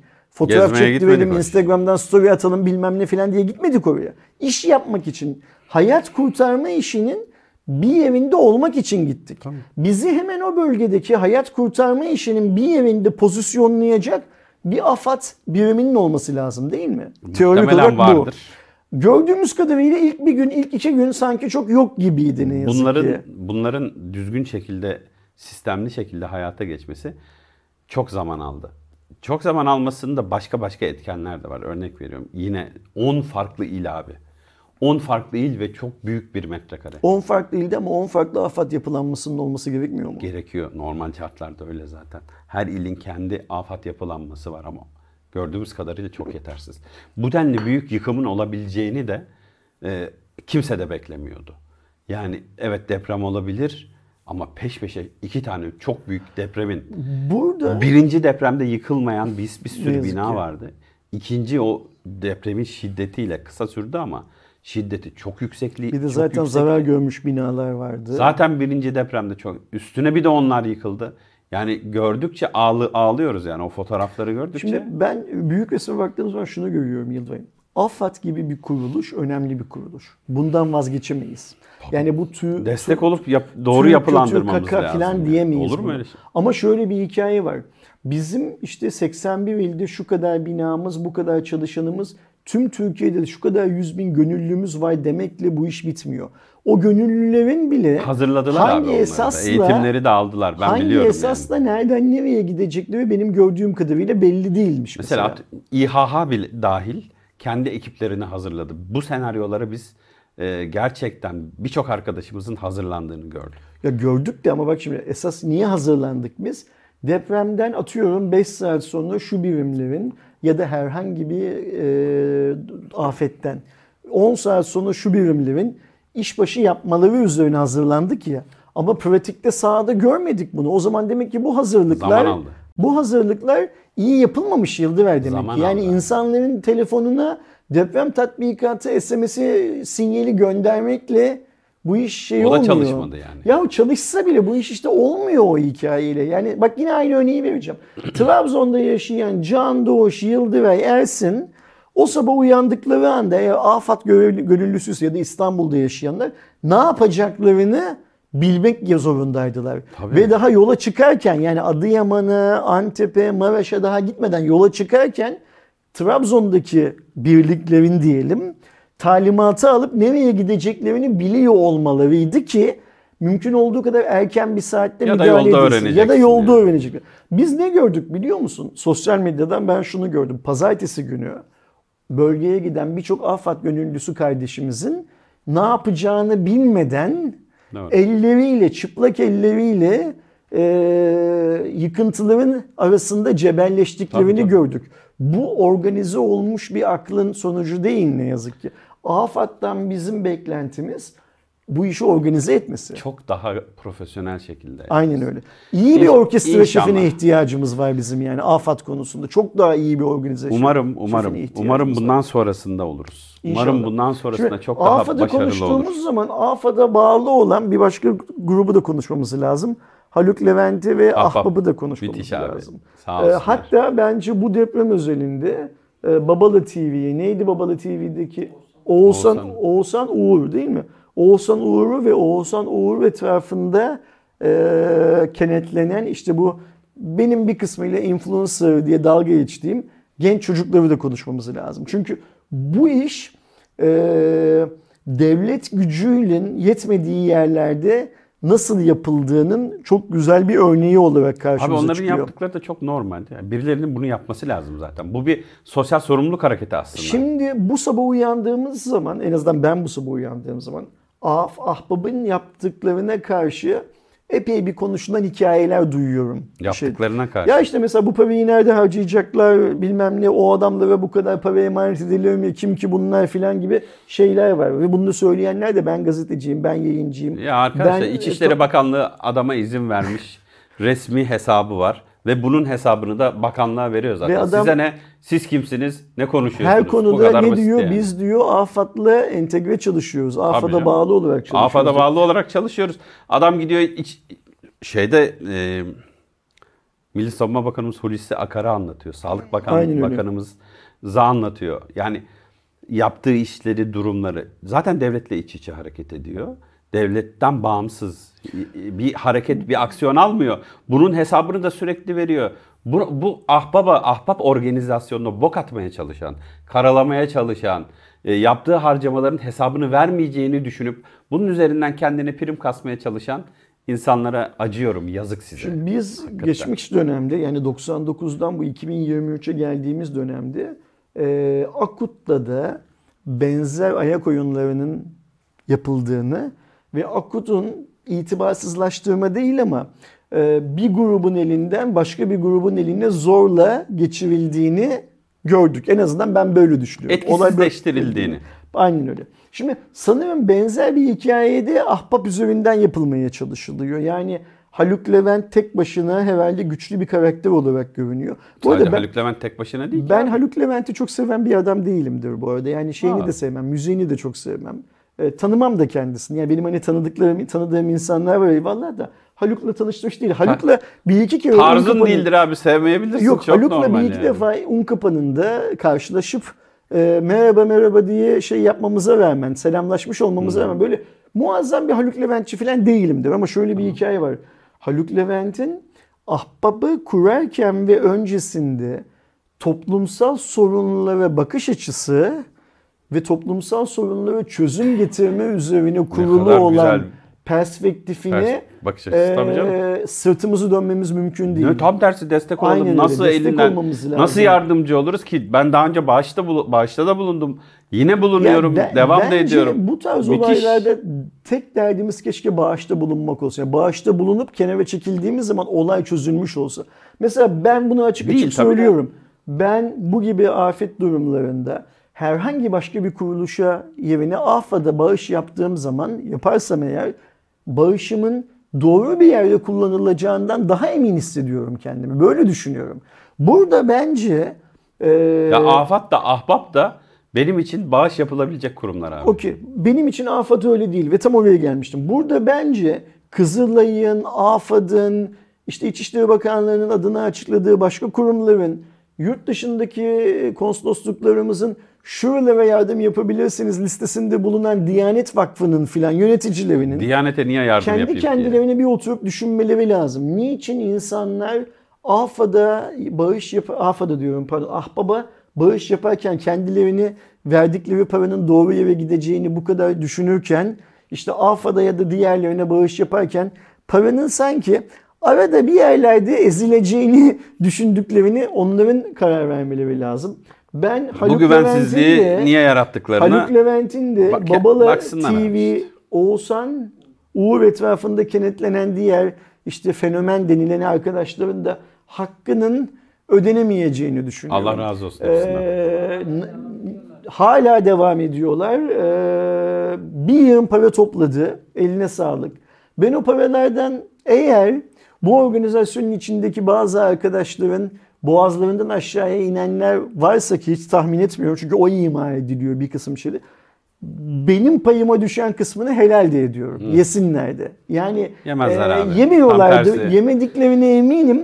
Kime Ancak- nasıl yardımcı ancak olabiliriz eğer derdindeler. yiyorlarsa da helal de ediyorum. Yani oradaki e, dep- göçük altından çıkartılan depremden kaçabilmiş arkadaşlarımıza nasıl helal ediyorsam bu organizasyonun içinde olan arkadaşları da beyefendileri de helal ediyorum. Ve neden korkuyorum biliyor musun? Ee, şundan eminim daha önce Akut'ta çevrilen oyun Ahbap'ta çevrilemez. Yani Ahbap'ta böyle bir el değiştirme, yönetimsel bakış açısının başka perspektiflere yönlendirmesi olamaz ama Ahbap'ın ve tüm bu diğer arkadaşların bezdirilebileceğinden korkuyorum. Yok, yok. Ve eminim ki bezmeyeceklerdir. Ne Ol- olmaz olsun. öyle şeyler. Şimdi Ah- AFA'da ahbabı konuştuk ama bölgedeki kamu personeliyle de bir konuşmak lazım Yıldıray. Şimdi belediyede zabıtasın diyelim ki, polissin, e, doktor da kamu görevlisidir, doktorsun, valisin hiç fark etmiyor. O depremle uyandın ve belki senin yaşadığın yerde yıkıldı. Ya da belki görevdeydin bilmem neydin filan ya da seninki yıkılmadı ama yan binada annen oturuyor onunki yıkıldı filan. Şimdi vatan senden hizmet bekler. Hizmet edebilecek durumda mısın? Büyük O- bir ihtimalle O değil. çoğunun bir akrabası, Aileleri- eşi, dostu ya da doktor ama evinden çıktı. Ah, Maşallah onun ailesinde hiçbir şey gitti. Bina yıkılmış. Polis Hastane karakola gitti. yani. Aynen öyle hastane yıkılmış. Rusya Sahra Hastanesi kurdu. Polissin kendi ailenin güvenliğini yerine getirdin. Gittin karakol yok ortalıkta. Karakol yıkılmış filan. Şimdi bu tarz durumlarda artık oradaki kamu görevlileri de hani bizim depremzede diyoruz ya. Yani afetten negatif etkilenen insan pozisyonuna düştüklerini unutmamamız lazım. Doğru. Ee, ve onların da yardıma ihtiyacı olduğunu göz ardı etmememiz gerekiyor. Psikolojik desteğe de çok ihtiyaç Aynen öyle. var. Psikolojik desteğe çok ihtiyacımız var. Orada or- Ee, orada çalışan herkesin sonrasında inanılmaz bir travma oluyor üzerinde zaten. Ee, hem orada o anda da sonrasında da çok fazla desteğe ihtiyacımız var. Kamu görevlilerinin gerçekten hani çok fazla çalışan arkadaşım var. Birkaç polis arkadaşım var. İstanbul'dan bin emniyet mensubu arkadaşımız gitti. İzmir'den birçok arkadaşımız gitti. Ankara'dan gittiler çünkü bölgede bir e, asayiş problemi de baş göstermeye başladıktan sonra ciddi müdahaleler olmak zorunda kaldı. Şimdi hikayenin bu tarafında kamu personeli arkadaşların canla başla çalıştıklarını görüyorum, biliyorum. Allah hepsinden razı olsun hakikaten. Ve e, ailesini kaybeden, Var. ailesi vefat eden e, bazı arkadaşlarımın o halde, o psikolojiyle bile e, gece gündüz hiç uyumadan 2 saatlik, 3 saatlik uykuyla günlerdir çok ciddi çaba sarf ettiğini biliyorum. Allah hepsinden razı olsun. Yani şunu söylemeye şey yok. çalışıyorum. Deprem bölgesinde polis bir şey yapmıyor, tıp çalışanları bir şey yapmıyor filan gibi söylemler var ya. Bu polis dediğimiz, tıp çalışanı dediğimiz adamların da e, Safsata depremden etkilenen insanlar olduğunu unutmamak lazım. Ve işkini dönüyor dolaşıyor. Oraya giden STK'ların, AFAD gönüllülerinin dışarıdan gelen yardımın organize edilmesine kalıyor iş aslında biraz da. Şimdi mesela bir yığın yeni savcılar filan görevlendirildi bölgede başka bölgelerden. İş zapturapt altına alınsın diye. Ama Yıldıray bir başka konu var. Belki bunu daha önce konuşmamız gerekiyordu. Asker konusu. Asker geç müdahale etti. Şöyle. Şimdi O hikayenin de hazırlık sürecini biliyorum. Orada da yine bir subayla konuştum. Bir subay arkadaşım var. Ya niye bu kadar e, geç müdahale ettiniz? Abi diyor bak. Biz bu kadar askeri oraya indirdiğimiz anda bunların işleyeceği tuvalet yok diyor. Yani düşün hani ben diyor oraya 10 bin tane adamla girdim. Aynı anda müdahale ediyorum. Onun arka planını hazırlamadan o sahaya çıkamam abi diyor. Bu adamları dinlendirmezsem faaliyet gösteremem. Şimdi- evet geldik ama hakikaten e, ihtiyaçlarımızı giderecek gelinmesi şekilde gereken geldik. bir bölge değil asker zaten. O da ikinci ordunun bildiğim kadarıyla Bir yetki bölüm. alanında e, deprem bölgesi. Şimdi eskiden Emasya protokolü diye bir protokol Vardı, varmış. evet. Bu, Dağıtılmış bu bir protokol. protokol ne- nasıl çalışıyormuş? Şöyle çalışıyormuş anladığım kadarıyla. Bu tarz afet durumlarında deprem olması şart değil. Asker bağlı bulunduğu bölgedeki valinin talebiyle olaya müdahale edebiliyormuş. Asker, jandarma, polis Asker, hepsi jandarma. birleşip aynı anda Aynen öyle. Ve biz denetim. bu müdahalenin ne kadar önemli bir müdahale olduğunu 99 depreminde gördük. Ee, çünkü şöyle bir şey var bak şimdi. Türkiye'de e, bizim 99 aslında- depreminde orada bulunan o bölgedeki deniz üssü Gölcük'te bulunuyor. Bildiğiniz üzere büyük bir deniz üssümüz var Gölcük'te ve e, gemiler hatta böyle şeyin altındadır. E, üstten sadece siz bir dağ görürsünüz. Onun altında birçok gemimiz, denizaltımız var. e, o bölgedeki askerlerin müdahalesini gördük biz. İşte bu, burada, da iki, burada da ikinci ordu var. Yani şey O- gibi, şu anda da onu görüyoruz. Oradaki askerlerin müdahalesini geç görüyoruz. müdahale gibi bir dert var. Onun için de anladığımız bu- kadarıyla. bunu söyle. Şimdi, böyle bir açıklama e, öğrendim, duydum.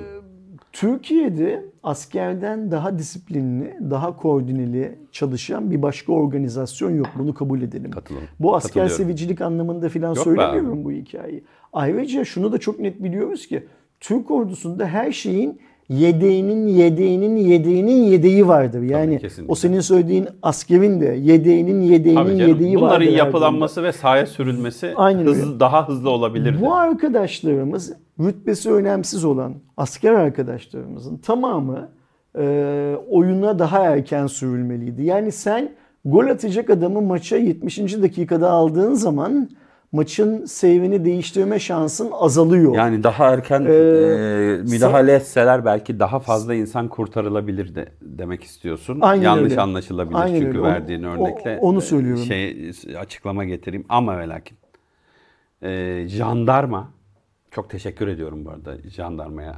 O kadar fazla hızlı müdahale edip her yerde çok etkin çalıştı ki. Evet baş, jandarma da bir askeri protokol yani. Bir askerdir jandarmada. Jandarma da bizim polis Doğrudan polis yeni- gibi yeni- bir kolluk yeni, kuvvetidir. Yeni düzende doğrudan İçişleri Bakanlığı'na bağlı. Evet. Eskiden Genelkurmay Başkanlığı'na Evet. bağlıydı. Jandarma da bir kolluk kuvvetidir ve jandarmanın e, sahada birçok enkaz çalışmasında çok aktif çalıştığını, e, gerçekten çok inanılmaz hizmetler verdiğini gördüm. Ama Pazartesi lakin o günü- insan gücüne, insan gücüne yani komandoların da sahaya sürülmesine ihtiyacımız vardı. Geç oldu haklısın. Pazartesi günü akşam saat 7'ye kadar filan bölgedeki insanlar asker görmediklerini söylüyorlar. Tabii ki bölge çok büyük olduğu için bazı yerlerde asker sahaya çıkmış olabilir. Bence burada sanırım eee, sonuçta bu ordunun bir de başkomutanı var. Jandarma ilk andan beri sahadaydı bu arada. Başkomutanın biraz eee, olayı geç direktif vermesiyle alakalı Olabilir. bir durum söz konusu sanırım. Çünkü bak şimdi bir sonraki Yani başlığımız... orada Savunma Bakanlığı e, geç kalmış gibi bir söyleme varıyor söylediğin şey ama Öyle düşünüyorum. Şu anki bilgimle öyle düşünüyorum evet. Bir ülkenin birçok yerinden asker de çektiler orada çalış, çalışsın diye. Gerçekten aynı anda müdahale eden asker asker sayısı çok fazla. E, bence orada da kaybedilen en fazla 24 saattir. Daha fazla değil. İşte ilk 24 saatin çok önemli olduğunu Tabii, şey tabii. Hayati, hayati. varsayarsak öyle bir hikaye. Şimdi buradan bir başka başlık olan yağmaya geçeceğiz. Yağma başlığı da bu askerin geç müdahalesi. Çünkü biz asker askerden tek beklentimiz. Biz bunu 99 depreminde gördük.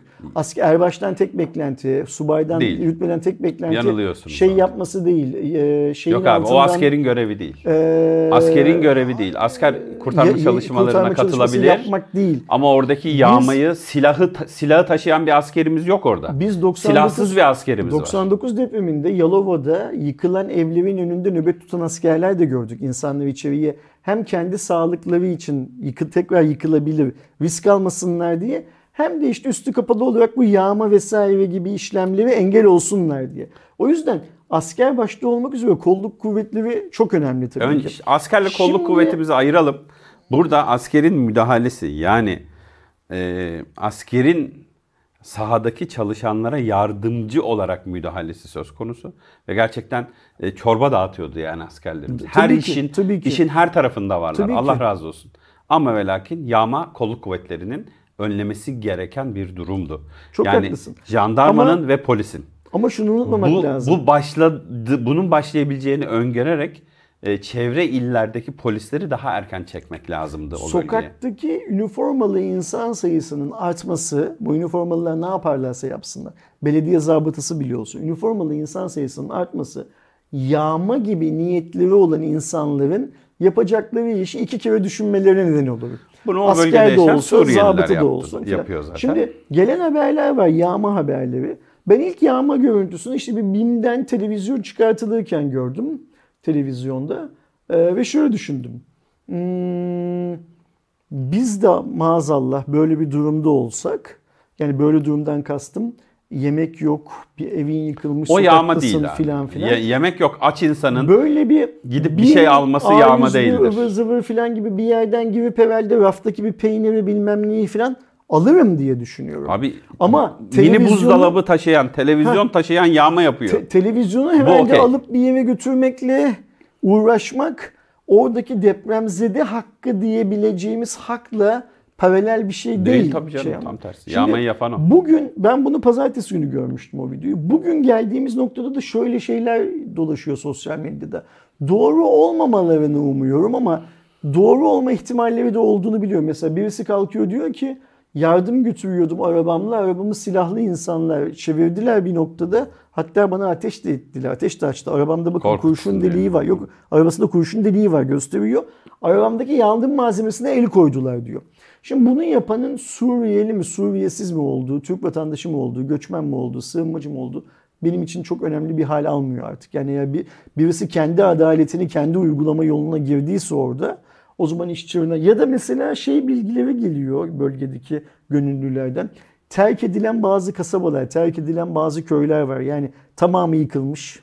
Yardım da gitmemiş oraya ilk 2-3 gün ve o insanlar kurtulanlar bari şehirdeki ya da başka bir şehirdeki yakınlarımızın yanına gidelim falan diye ayrılmışlar.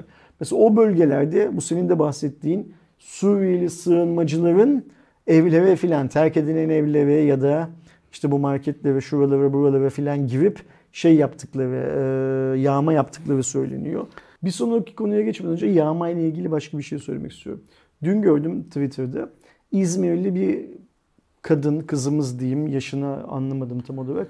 Bir tane pet shop'un fotoğrafını çekmiş. Hmm, gördüm. Bu pet shop'un sahibi kimse diyor. Ben girdim içeriden bazı şeyler aldım. Köpekler için mamalar falan aldım. Bana ulaşırlarsa eğer e, ödemek isterim ücretini. So- o- Doğru ya o adamın da mal varlığı o şey anlamında. Şimdi bununla yağmayı çok net bir önden ayırmak gerekiyor. Yani bu standart Türk insanının yardım yapma isteği. Biz arzusu. normalde buyuz zaten abi. Aynen öyle. Bu kadının yaptığı şey karşısında duygulanmamak mümkün değil. Yani İçimize Suriyeli sokmadıkları sürece bir sorun yok bunun abi. hayvana mı insana mı yapıldığı da çok önemli değil. Ve sonra ben o arkadaşın Twitter sayfasında e, profilinde baktım. E, dün bütün gün mesela e, bulunduğu bölgedeki farklı farklı yerlerde beslemeler mama dağıtmış. Yani oradan aldığı mamaları filan. E, eğer öyle ödenecek bir para varsa zaten bu e, bölgeye gidemeyen insanlar o kızımızın o parayı ödemesine izin vermezler. Biz tamamlarız o parayı zaten. O dükkanın şeyi neyse, e, kaybı neyse o da sonuçta depremzede dükkanın sahibi de, pet shop'un sahibi de. Yani o yüzden ihtiyacı olan şeyi almak ve ihtiyacı olan şeyi aldıysan sonrasında maddi durumunun el verdiğine inanıyorsan ödemeyi de kafana bir kenara yazmak. Allah nasip ederse sağlık versin onu sonra ödeyeyim diye de bir kenara yazmak başka bir hikaye. İnsanlara silah doğrultup e, televizyon alıp eve götürmeye kalkışmak. Onların boşalttığı evlere girip bir şeyler almaya Tırları çalışmak. ele geçirmeye Tırları çalışıyorlar. ele, tırı ele Yardım geçirmişler tırını nitekim. ele geçirmeye çalışıyorlar. Eğer doğruysa o Fenerbahçe Valla ben bu hikayesi. hikayeleri duyduktan sonra e, cam buraya koyarsan sevinirim ama koymaya da bilirsin. E, emniyet güçlerimizin ele geçirdiği hırsızları dövdüğü videolar var. Onları gördükçe oh diyorum içim rahatladı. Ama ve lakin şunu da biliyorum ki onları tutuklayıp e, bir süre sonra salıyorlar. Yani hırsız dediğimiz adam İstanbul'da da e, hırsızlık nedeniyle e, çok fazla içeride İşte tutulabilen kapka- kapkaç dedik bir ya zaten. durum Sen değil ama aslında yaptıkları gasp. Ya bunlar gasp ediyorlar. Özellikle e, az önce verdiğimiz örnekte hani tırı ele Silahla. geçirmek, insanın arabasına silah sıkmak. Gasp başka bir suç.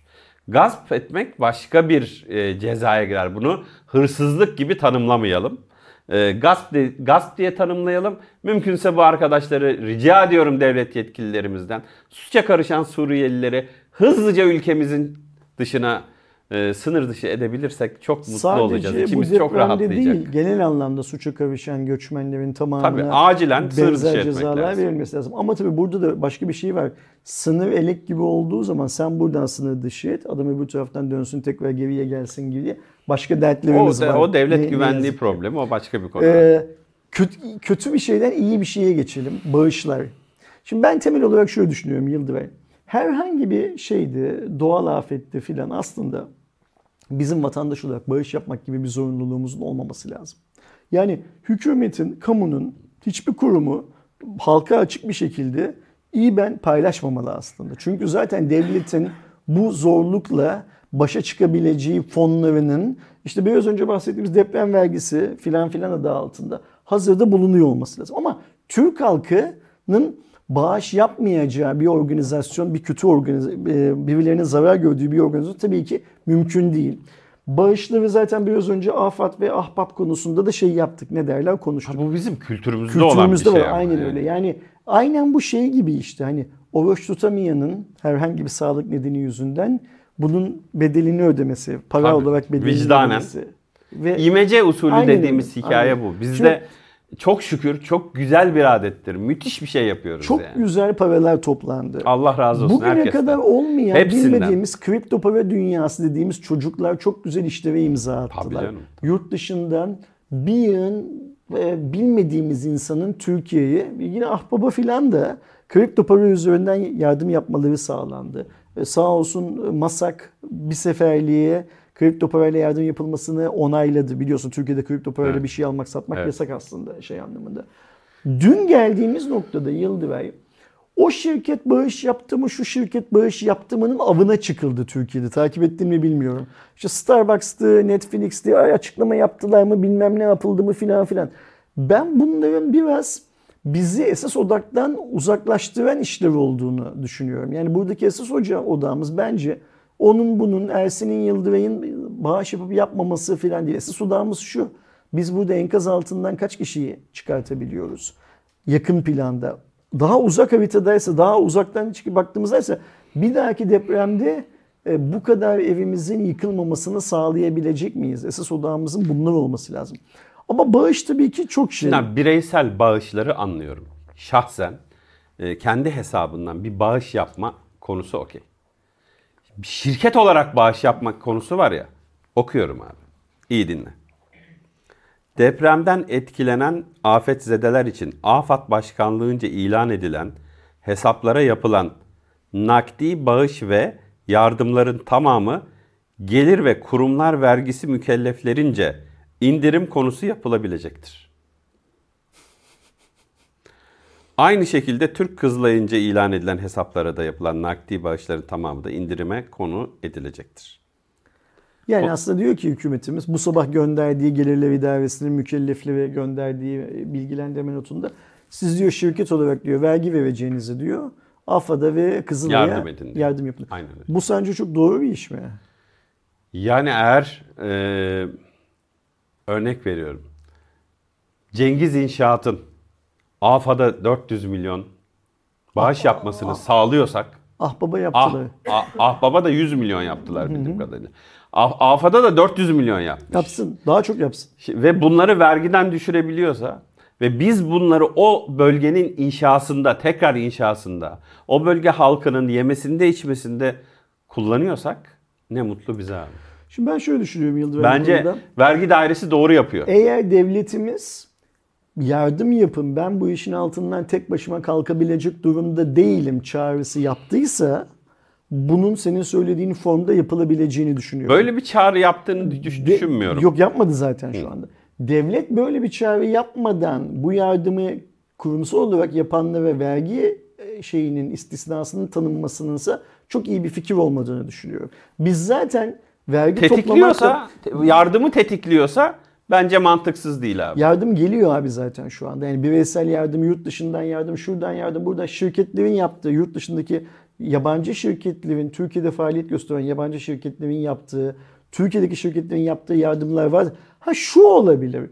Bu istisnai bir durumda uzun yıllara yayılan bir vergi avantajı olarak kamu şirketlere sunulabilir. O da yani indirime konu olabilecektir. Işte ama şimdi adını söyledi 30 yıl boyunca indirecekler bunu. 40 yıl boyunca indirecekler bunu filan Uzun gibi vadeli. Şey. Eyvallah. Umarım. Ama ben şöyle düşünüyorum. Adı sen Cengiz dedin. Cengiz de kamuoyunda çok konuşulan bir holding olduğu için Cengiz'den devam edelim. Cengiz beyefendinin adı galiba değil mi? Kendi soyadı mı? Kendi Bilmiyorum. Adı. Ahmet Cengiz, Mehmet Cengiz. Cengiz okay. soyadları ben, galiba. Ben Ersin Cengiz olsam, işin tamam. başındaki Ersin Cengiz olsam ve şunu yapsam Ya AFAD'a kaç lira bağış yaptı diyorsun? 400 milyon TL. Okey. Ben bu yıl 1, milyon şey 1 milyar TL vergi ödeyeceğim zaten yıl sonunda. Şunun 400'ünü peşin peşin kafadan AFAD'a vereyim de vergimden düşeyim diyorsam eğer bu iyi bir fikir gibime gelmiyor benim. Çünkü bizim Türkiye'de vergi toplamakla ilgili başka dertlerimiz var zaten. Ee, ama bağışlar tabii ki çok değerli. Herkesin yaptığı. Yani SMS gönderip 20 lira 10 lira yapanındaki de çok önemli.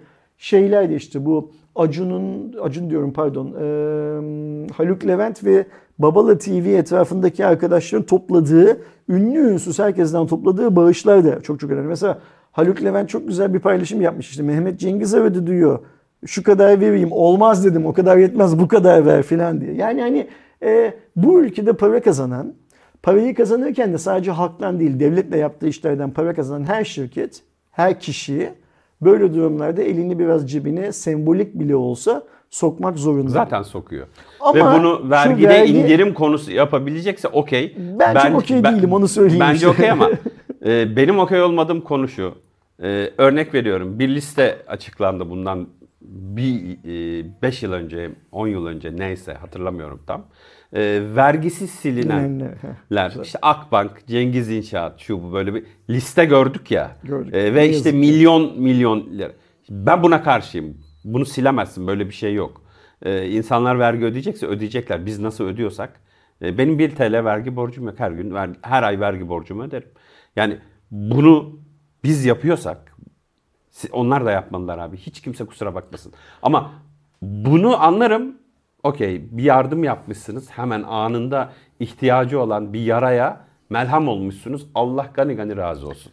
Ama hiç kimse, bu ülkede yaşayan hiç kimse sizlerin vergi borcunun silinmesini asla ve asla kabul etmedi.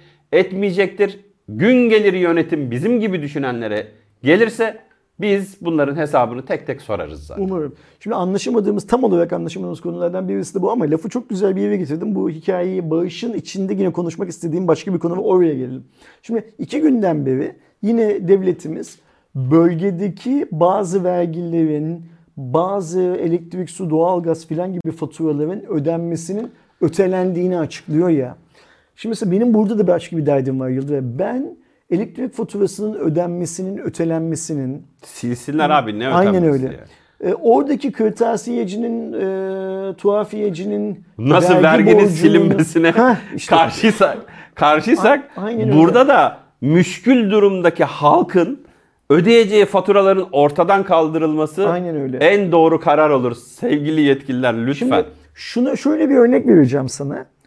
Bölgedeki çoğu şehre gitmedim. Yani Diyarbakır'a, Maraş'a, şuraya, buraya falan gittim de. Mesela yolların ismini bilmiyorum ama şöyle bir örnek vereyim sana.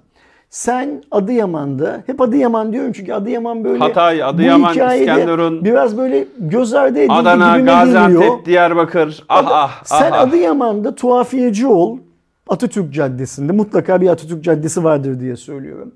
Ben de Adıyaman'da tuhafiyeci olayım Cumhuriyet Caddesi'nde. İkimiz de aynı işi yapıyor olalım. İkimizin de tuhafiye dükkanlarının metrekaresi aynı olsun. Tamam. Sen bugüne kadar bütün vergilerini zamanında ödemiş bir esnaf ol orada. Ben de hep böyle vergiyi ödemeyip ne de olsa af çıkar falan diye sallayan hem devlete vergi borcum hem sigorta borcum olan bir tane esnaf olayım. Affedilecekse de seninkinin affedilmesi lazım Yıldıray. Doğru söylüyorsun. Benimki pozisyonundaki adamınkinin affedilmesi konusunda. E bak ikimizin de, de dükkanları yıkılmış olsun. İkimizin ikimiz de vefat etmiş olalım ve hatta ailelerimizden de kayıplarımız olsun. Yani her konuda eşit olalım Allah şey korusun. anlamında. Hiç bunlara giremiyorum. Sadece şunu söylemeye çalışıyorum. Devlet baba büyüklüğünü sadece enkazın altından çıkartırken değil, sonrasında da göstermeli. Göstermek zorunda Ee, zaten. bu abi. adamların elektrik, su, doğalgaz, cep telefonu vesaire vesaire vesaire faturalarının ödenmesi ertelenmekle yetmez. Bu borçlar silinmeli. Katılıyorum. Biz abi inşaat konusunda dünyada ilk ondayızdır.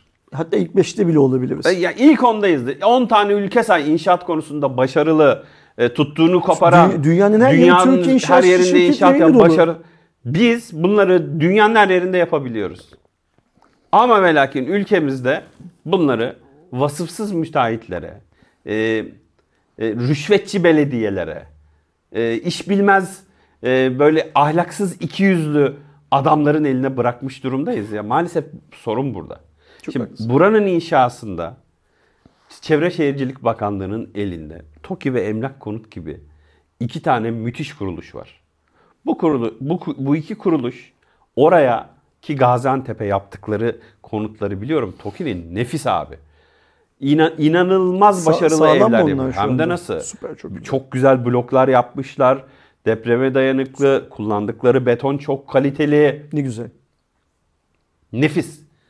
Biz bir yıl, bir buçuk yıl. Bak net söyleyeyim sana. Öyle deneyimli ve öyle profesyonel ekiplere sahibiz ki. Bir buçuk yılda o bütün şehirleri baştan inşa ederiz. İnşallah. İnşallah. Allah da bunu nasip etsin. İnşallah. İnşallah. Şimdi bağış konusu böyle bir konu ve af konusu da böyle bir konu. Yani affetmek, devlet İnşallah. affetmekle zorunlu, yükümlü bence.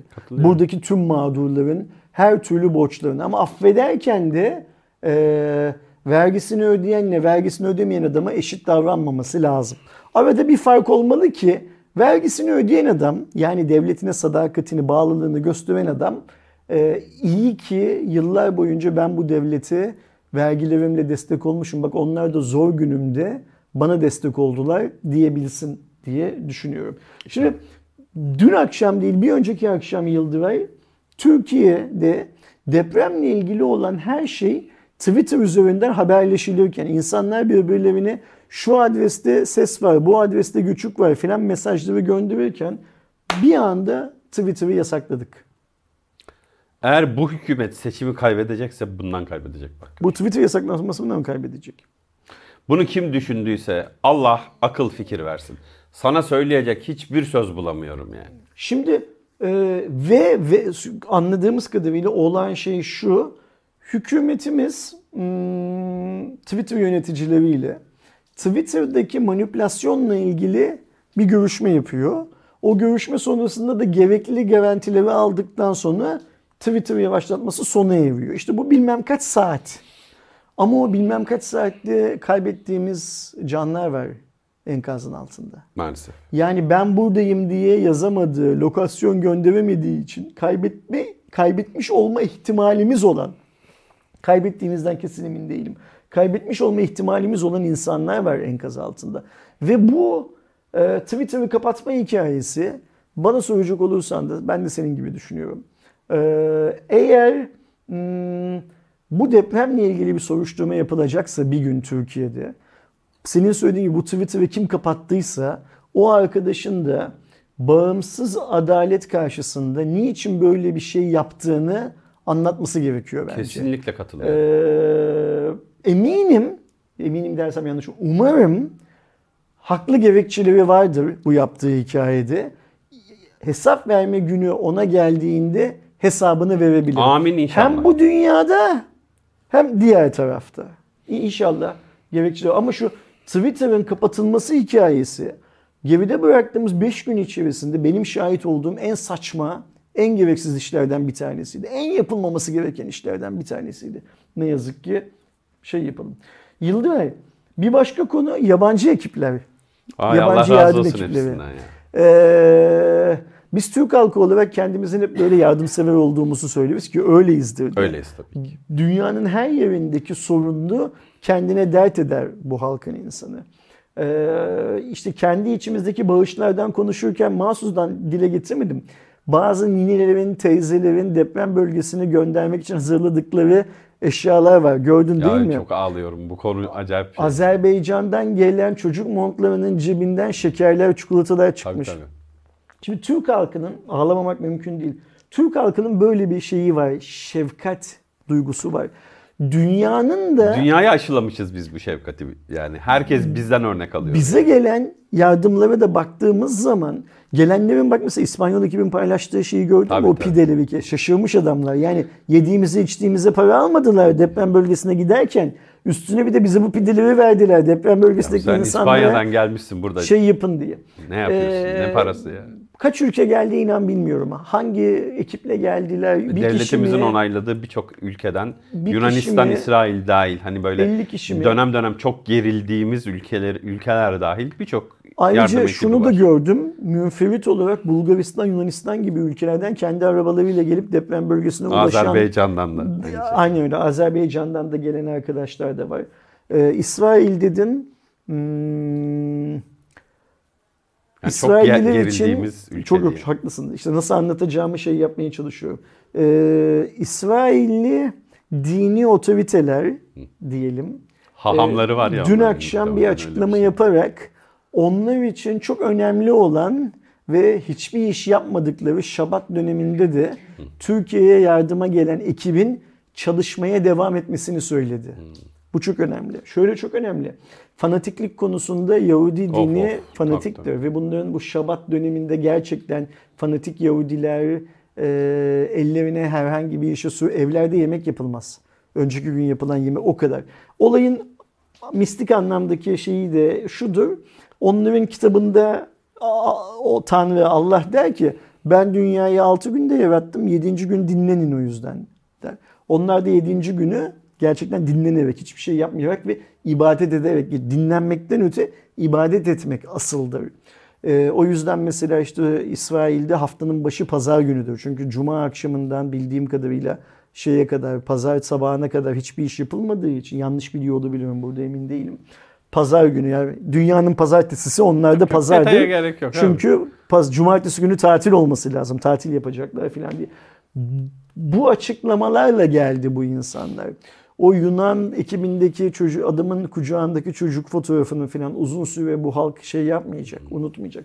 O yüzden de buradan yola Abi çıkarak Rus yardım ekibi Rus var. yardım ekibi. İşte, İşte ada- Meksika'dan gelenler Macaristan var. yardım ekibi, Polonya ekibi bunlar e, kendi televizyonlarına demeç veriyor. Dünya basını da burada hepsini izliyor. Kendi televizyonuna demeç verirken ağlıyor adamlar mesela görüyorsun. Aynen de çok Şimdi duygulandırıyor böyle şeyler. Macarlar bize zaten kendilerini yakın hissederler. Bizim onlara kendimizi yakın hissettiğimiz gibi.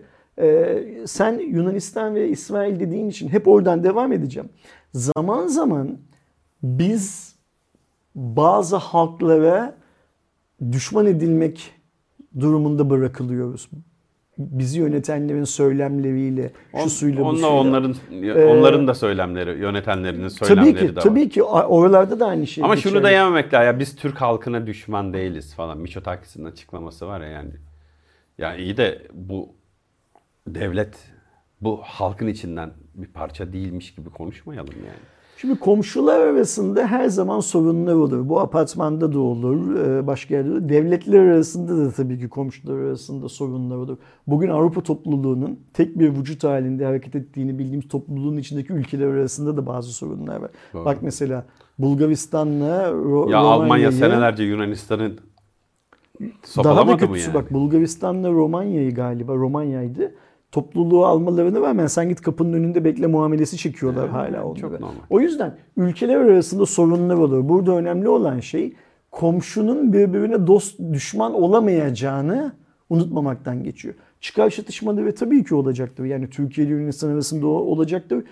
Amerika ile Irak arasında oluyor. Bunlar komşu değiller birbirleriyle. O yüzden e, bizim de komşularımızla ve komşu olmadıklarımızla tabii ki çıta- çıkar çatışmalarımız olacaktır. Onların bizimle başka, başka dertleri olacak ama şunu unutmamak lazım. İhtiyaç vuku bulduğunda herkesin birbirine yardım etmesi gerekiyor. Herkes birbirine yardımda ediyor. Şöyle bir şey söyleyeceğim.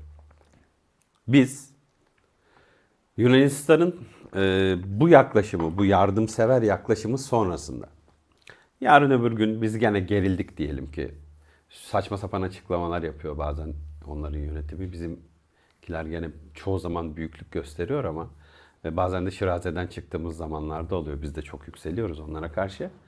Ee, örnek veriyorum yine böyle bir durumda bile olsak benzer bir felaketi Yunanistan yaşadığı anda kendi ülkem bu yardımı çok eminim ki rahatlıkla gönderecektir. Velev ki göndermedik. Böyle atıyorum başka gerginlik var. Ben bizzat kendim bugünkü bize destek olmaları nedeniyle bizzat kendim giderek aynı şekilde yardımı e, göstereceğimin sözünü buradan herkese veriyorum. Net söyleyeyim yani. Ne güzel. Ee, o yüzden belki de şunu da söylemek lazım. Bir sonraki konuya geçmeden önce. Hani onlar yükseliyor, bizimkiler yükseliyor filan hikayesi var.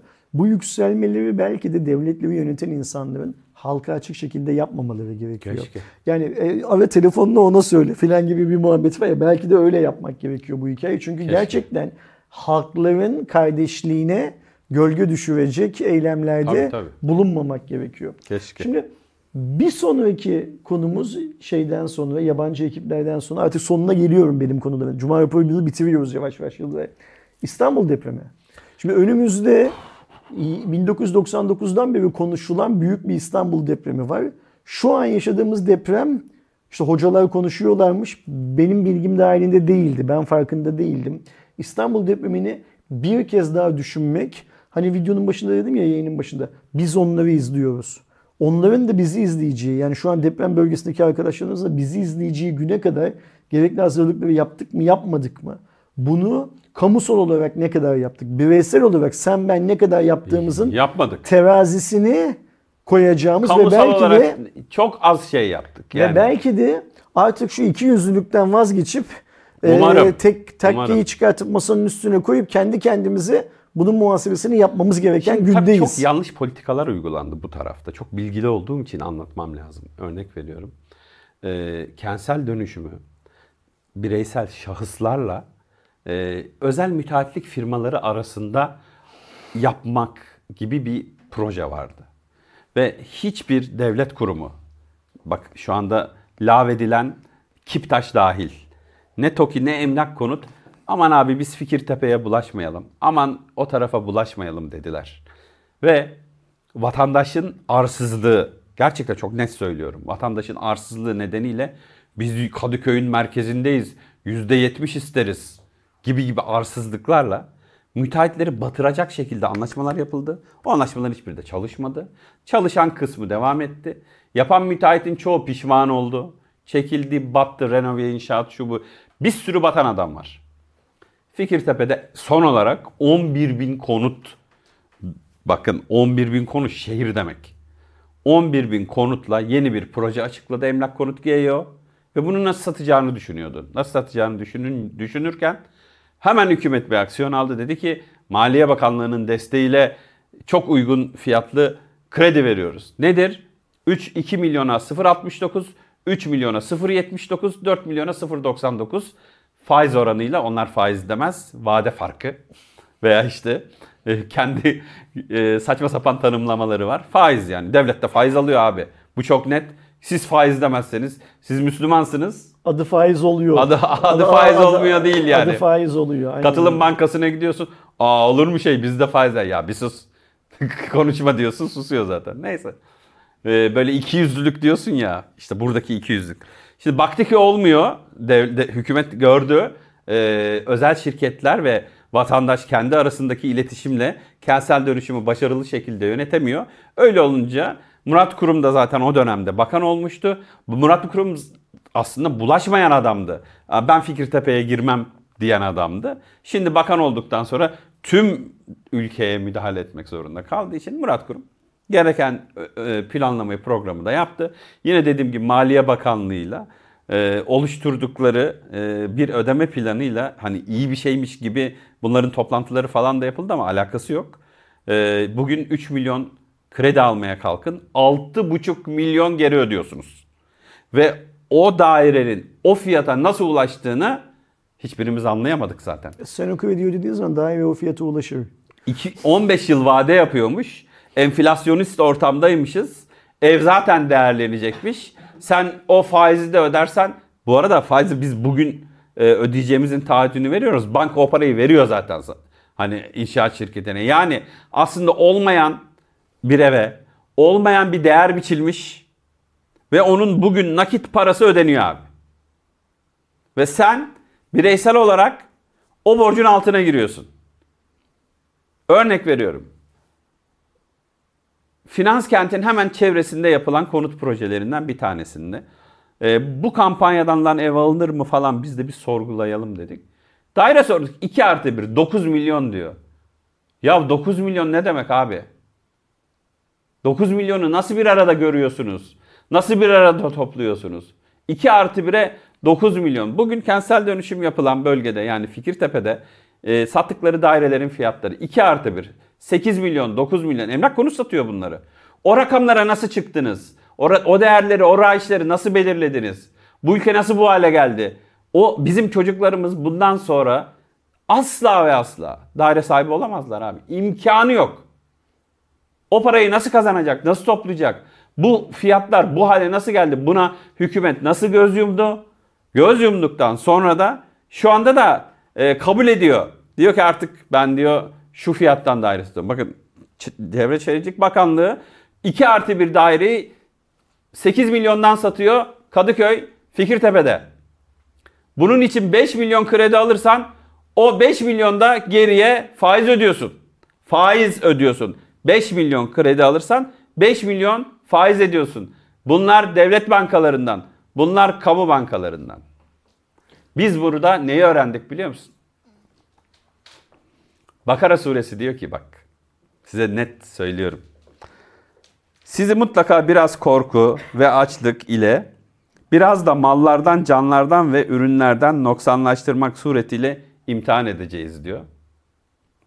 Biz bir imtihandayız ve sizlerle imtihandayız. Hakikaten imtihandayız. Bizi yöneten insanlarla bu cebimizdeki parayı çalan insanlarla e, bankacılık sistemini düzene koyamadığınız bankacılık sistemiyle imtihandayız. Sizlerle imtihandayız. Allah sabır versin. Çocuklarımızın geleceği çalınıyor. Cebimizdeki hiç olmayan parayı çalmaya çalışıyorsunuz. Bizi 15 yıl borçlandırmaya çalışıyorsunuz. Yemiyoruz. Şimdi İstanbul depreminin sen veya konuyu şeye getirdin. Ee, çok küçük bir kısmı bence kentsel dönüşüm hikayesi.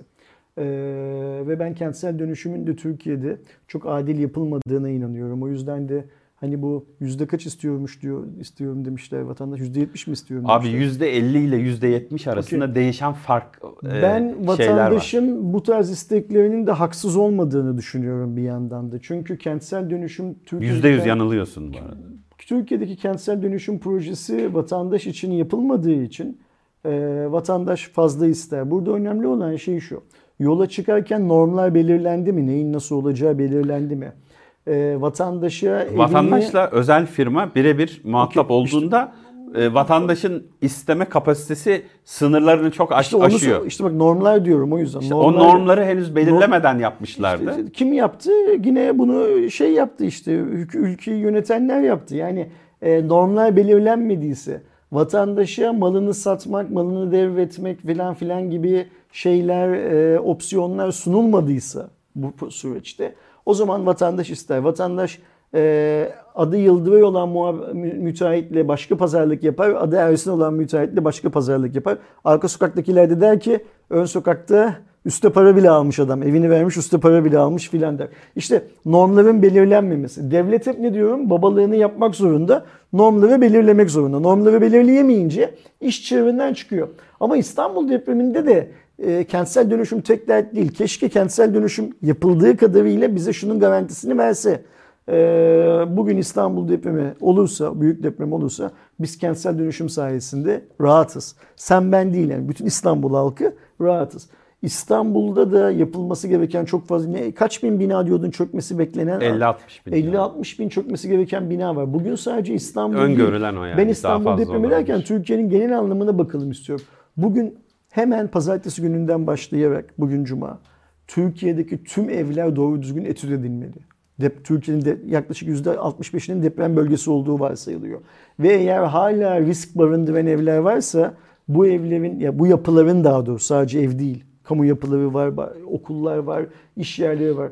Bu yapıların tamamının bir, bir an önce e, depremden en az zararı alabilir hale getirilmesi için çalışmaların başlatılması gerekiyor. Burada insanların çok şey var abi yapılacak. kendilerinin üzerine düşen bazı maliyetler varsa insanların abi, da bunu seve seve. kabul etmeleri gerekiyor. Ederiz Zaten ya, benim yeter iki yüzlülük ki... dediğim konulardan birisi de tam olarak bu. Yani her şeyi devlet yapsın. Böyle bir şey yok abi. Yok, derdimiz yok. Ee, biz de kendimizi koruma altına almakla yükümlüyüz. Ama ne yazık ki 10 e, Şubat 2023 tarihi itibariyle bence Türkiye hala depreme hazır değil. Değil Ve tabii. hiçbir Richter ölçeğine göre hiçbir sarsıntıya hazır değil. Yani 4'e de hazır değil, 5'e de hazır değil, 6'ya 7'ye falan da hazır değil. Türkiye'nin bir an önce e, yönetimsel anlamda deprem konusunda ne yapacağını Amin inşallah. ve bu insanları nasıl ölmekten kurtaracağını planlaması gerekiyor. Abi e, 50-60 bin bina demek İstanbul'dan e, dışarıya çıkamayacağımız anlamına geliyor. İşte o bak Viyadükler, köprüler. Dört işlem yani bir bina kaç kamyon yapar? 50-60 bin bina için bunu şehirden boya kaç kamyon lazım? Türkiye'de bu kadar kamyon var mı? Filan bunların hepsini insanların düşünmeleri gerekiyor. Ve sadece sen ben değil. Sadece bu yayını izleyenler de değil. Ki Yetkili olan herkesin bunu düşünmesi gerekiyor. Çünkü şöyle bir hikaye var. İstanbul depremi yarın olursa Allah korusun, 10 yıl olursa yine Allah korusun. Bizim oturup konuşacak çok fazla bir şeyimiz kalmıyor şu şartlar altında depreme girersek. Abi tabii canım. E, bu şartlar şu an yarın bu deprem olsa elektrik gitse, doğalgaz gitse, iletişim hatları kopsa e, İstanbul'da soğuktan donarak ölen sayısı çok daha fazla olur. Muhtemeldir. Hani bırak depremi, Muhtemeldir. Ayrıca şeyi de, unutmamak lazım. yangın, Heh, tam onu Soğuk. söyleyeyim. O bölgede şu anda biz hem depremin oluş saati çünkü yani sanayinin kapalı olduğu Hmm. bir saatte hem de evlerin İstanbul kadar birbirlerine yapışık nizam olmaması nedeniyle yangın çok fazla görmedik şu anda ya son bir haftada. işte. İstanbul depremindeki en büyük risklerden birisi şehrin içinde çıkacak olan yangın. Ee, bizim şu an bu sefaleti yaşadığımız senaryoda hala hazırda içinde olduğumuz depremde 10 ili etkileyen depremde yangın e, kötü öğe olarak olaya girdi. Bak SimCity'de hani doğal felaket gelir ya sen iş yapar oyun oynarken. Yangın felaketi yok şu anki projemizde orada. Sadece depremle uğraşıyoruz. İstanbul'da ise çok büyük bir yangın felaketiyle karşı karşıya kalırız. Burada kent- İstanbul'da kentsel dönüşümün en önemli aktif rol oynayıcısı aslında Kiptaş olmalı. Ee, İstanbul Büyükşehir Belediyesi'nin e, inşaat şirketi olmalı ve e, gerçekten Kiptaş'ın eğer isterse tüm İstanbul'daki çürük yapıları bir yıl, bir yıl içinde yenileyeceğini söyleyebilirim. Tüm başka faaliyetlerini durdursun abi. Metro yapmayın bir süre. Yapmayın abi. Evleri yenileyin, insanlar ölmesin, sonra ulaştırırız. Bu kadar basit yani. Ben devlete bir kuruş vergi borcu olmayan bir insan olarak muhatabımı Kiptaş, e, işte Bakan Yok çözüm Kurum, yolu olarak söylüyorum. e, neydi emlak GEO filan olarak görmüyorum. Ne yalan söyleyeyim. Benim buradaki muhatabım Cumhurbaşkanı. Şu anda eğer tüm yetkiler Cumhurbaşkanı'nda topluysa, şu anki düzen Cumhurbaşkanı'nı bu konuların tamamında etkin pozisyonda konumlandırıyorsa ve hatta bu konumlandırma Sayın Cumhurbaşkanı'nın kendi isteğiyle olduysa e, Sayın Cumhurbaşkanı'nın bu işi bir yıl diyorsun. Bir yıl içerisinde, iki yıl mı? iki yıl içerisinde Sürmez çö- abi. çözmesi lazım. E, ve o ortak akılın na- neyin nasıl yapılacağının e, Sayın Cumhurbaşkanı tarafından halka anlatılması. Biraz önce dedik ya e, operatörler niçin kalkıp yol planlarını anlatmıyorlar diye. Sayın Cumhurbaşkanı'nın da bir an önce kalkıp e, deprem konusunda Beklenen bugüne İstanbul kadar yapılmayan yok yok çok net Çok- bu yani. çok bu, bu ayıp ama. günah falan değil. Bugüne kadar yapamadık. Şu şu şu nedenler yüzünden yapamadık demeyebilir. Bugüne kadar yapamadık. Ama şu en son deprem gösterdi ki bizim bu konuda bir an önce aksiyon almamız lazım. Alacağımız aksiyon planını da hazırlıyoruz. 20 gün sonra aksiyon planını bütün Türkiye Cumhuriyeti vatandaşlarıyla paylaşacağız. Atıyorum bir ay sonra paylaşacağız.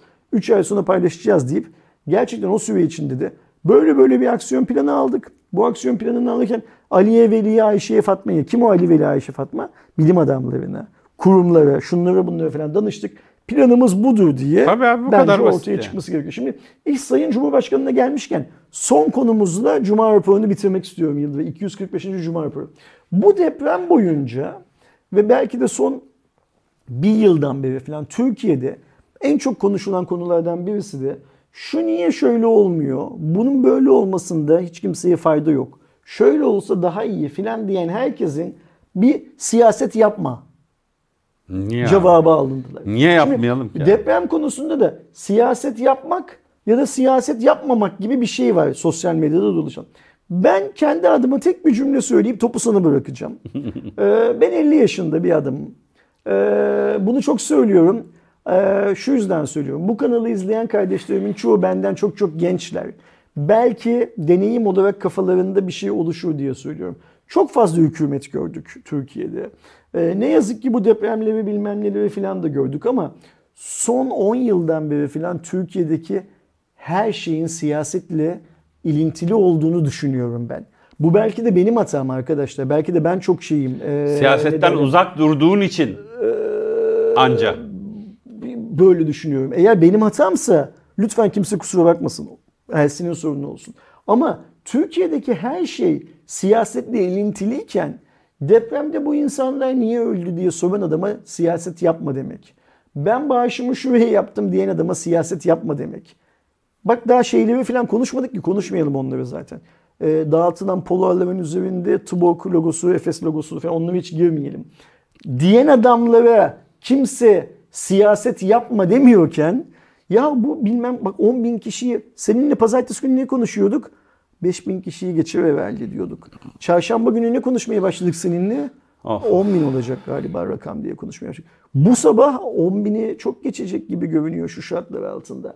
Bu 10 bin kişi niçin öldü diye soran ilkokul, ortaokul, lise, üniversite mezunu olduğu fark etmeyen herkesi siyaset yapma denmesinin ben Ersin Akman olarak çok saçma olduğunu düşünüyorum. Kesinlikle Çünkü şu anda içinde bulunduğumuz durum ülkenin siyasi durumunun bana soracak olursan birebir yansıması.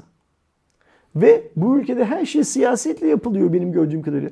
Ben yaklaşık bir e, herhalde 10 yıl oldu galiba. 10 yıl olması 10 yıla yaklaşıyor. Futbol maçı izlemiyorum mesela bu ülkede. Şimdi futbolun siyasetten ayrı olduğunu söyleyebilecek olan bir tane şeyimiz var mı? İzleyenimiz var mı şu anda? Yani yani, normalde ayrı. Şeyi gereği, doğası gereği ayrı olmak zorunda zaten. Ama Türkiye'de ayrı değil mesela bana soracak olursanız. Şu örnek göstermem şöyle oldu böyle oldu bunlara gerek yok ama bu deprem konusunda ağızdan çıkan herhangi bir şeyi siyaset yapmak olarak yorumlamak. Herhangi bir eleştiriyi. Her eleştiri övgüyü de.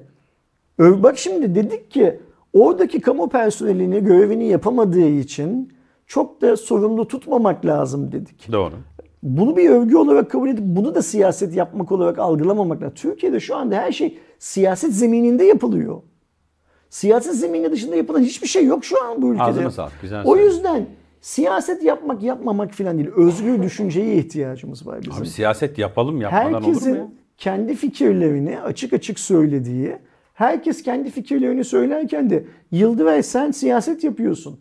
Ersin sen AKP'lisin, Ahmet sen CHP'lisin filan formuna düşürmeden. Çünkü niye biliyor musun? Ee, bu adı sayılan siyasi partilerin tamamı ya da şöyle söyleyeyim. Şu anda mecliste olan ya da meclise girmek için uğraşan siyasi partilerin tamamı İçişleri Bakanlığı'ndan siyaset yapma yetkisi almış olan partiler. Bunların taraftarı olmak günah değil, ayıp değil. Gayet de normal. Ve bu anayasal hakkın. Senin vatandaş olarak anayasanın sana verdiği bir hak. Ben CHP'liyim, AKP'liyim, HDP'liyim, işçi partiliyim filan diye hiç kimsenin beni eleştirmesi, beni yermesi, beni siyaset yapmakla suçlaması gibi bir hakkı yok. Yok tabii Önce ki. bunu anlamamız gerekiyor. Ve şuna da emin olalım. Öyle konuşan ya da böyle konuşan. Yani niye siyaset yapıyorsun diyen de niye siyaset yapıyorsun lafına maruz kalan da herkes bu topraklarda yaşıyor. Herkesin tek bir hedefi bu topraklarda daha huzurlu, daha varlıklı, daha zengin. Hani şey ya bir eli yağda bir eli balda deriz ya. Bir eli yağda bir eli balda yaşamaya çalışan insanlarız hepimiz. Bence bir başka bir derdimiz yok bizim şey anlamında. Ama anlaşamadığımız siyaset yapmak diye bir şey var, tanım var hayatımızda. Ben siyasetten çok uzakta bir insan olarak kendimi görüyordum yıllar boyunca. Ee, geldiğimiz noktada her şeyi siyasete bağlayan Abi bir insan öyle haline. görüyor olabilirsin ama hayatımızdaki her şey politikanın bir uygulanan politikaların bir yansıması. Ne yazık ki. E, Cebimizdeki e, paranın ne kadar vergi olduğundan tut. Ne yazık ki. Bakkaldan aldığın ekmek O yüzden yaşamın ana parçası, ana unsuru yani. Politik kararlar. size siyaset yapmayın, siyasete karışmayın filan demesine çok fazla kulak asmayın diyorum yayını Kesinlikle. bitirirken. Eğer bir siyasi partinin temsilcisi bile olsanız fikirlerinizi açık açık söylemeniz lazım. Ne demiştik yayının başında? Fuzuli diyorduk ya söylesem tesiri yok, sussam gönül razı değil de.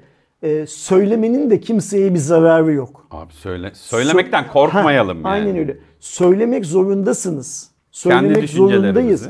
Kendi düşündüğümüz şeyin şu an itibariyle en doğru olduğunu bildiğimiz şeyin yarın yanlış olduğunu fark ettiğimiz zaman onu da söylemek zorundayız. Tabii ben hata Ben yapmışım. dün bunu söylüyordum. Aynen öyle. Şunu yeni öğrendim. Bu yanlışmış da dememiz lazım. Süper.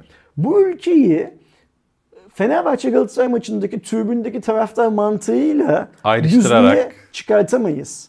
Olmaz. Maç öncesi maç sonrası kavga yapmak için birbirlerine saldırmak için maça giden adamların dünyaya baktıkları açıyla e, düzlüğe çıkartamayız. Bu çocuklara iyi eğitim veremeyiz bu şartlar altında. Bu çocuklar kim? Bizim çocuklarımız. Bizim çocuklarımız, çocukları. biziz Bu yani. kanalı izleyen çocuklar. Biz de dün bu çocuklardık. Annelerimizin, babalarımızın çocuklarıydık.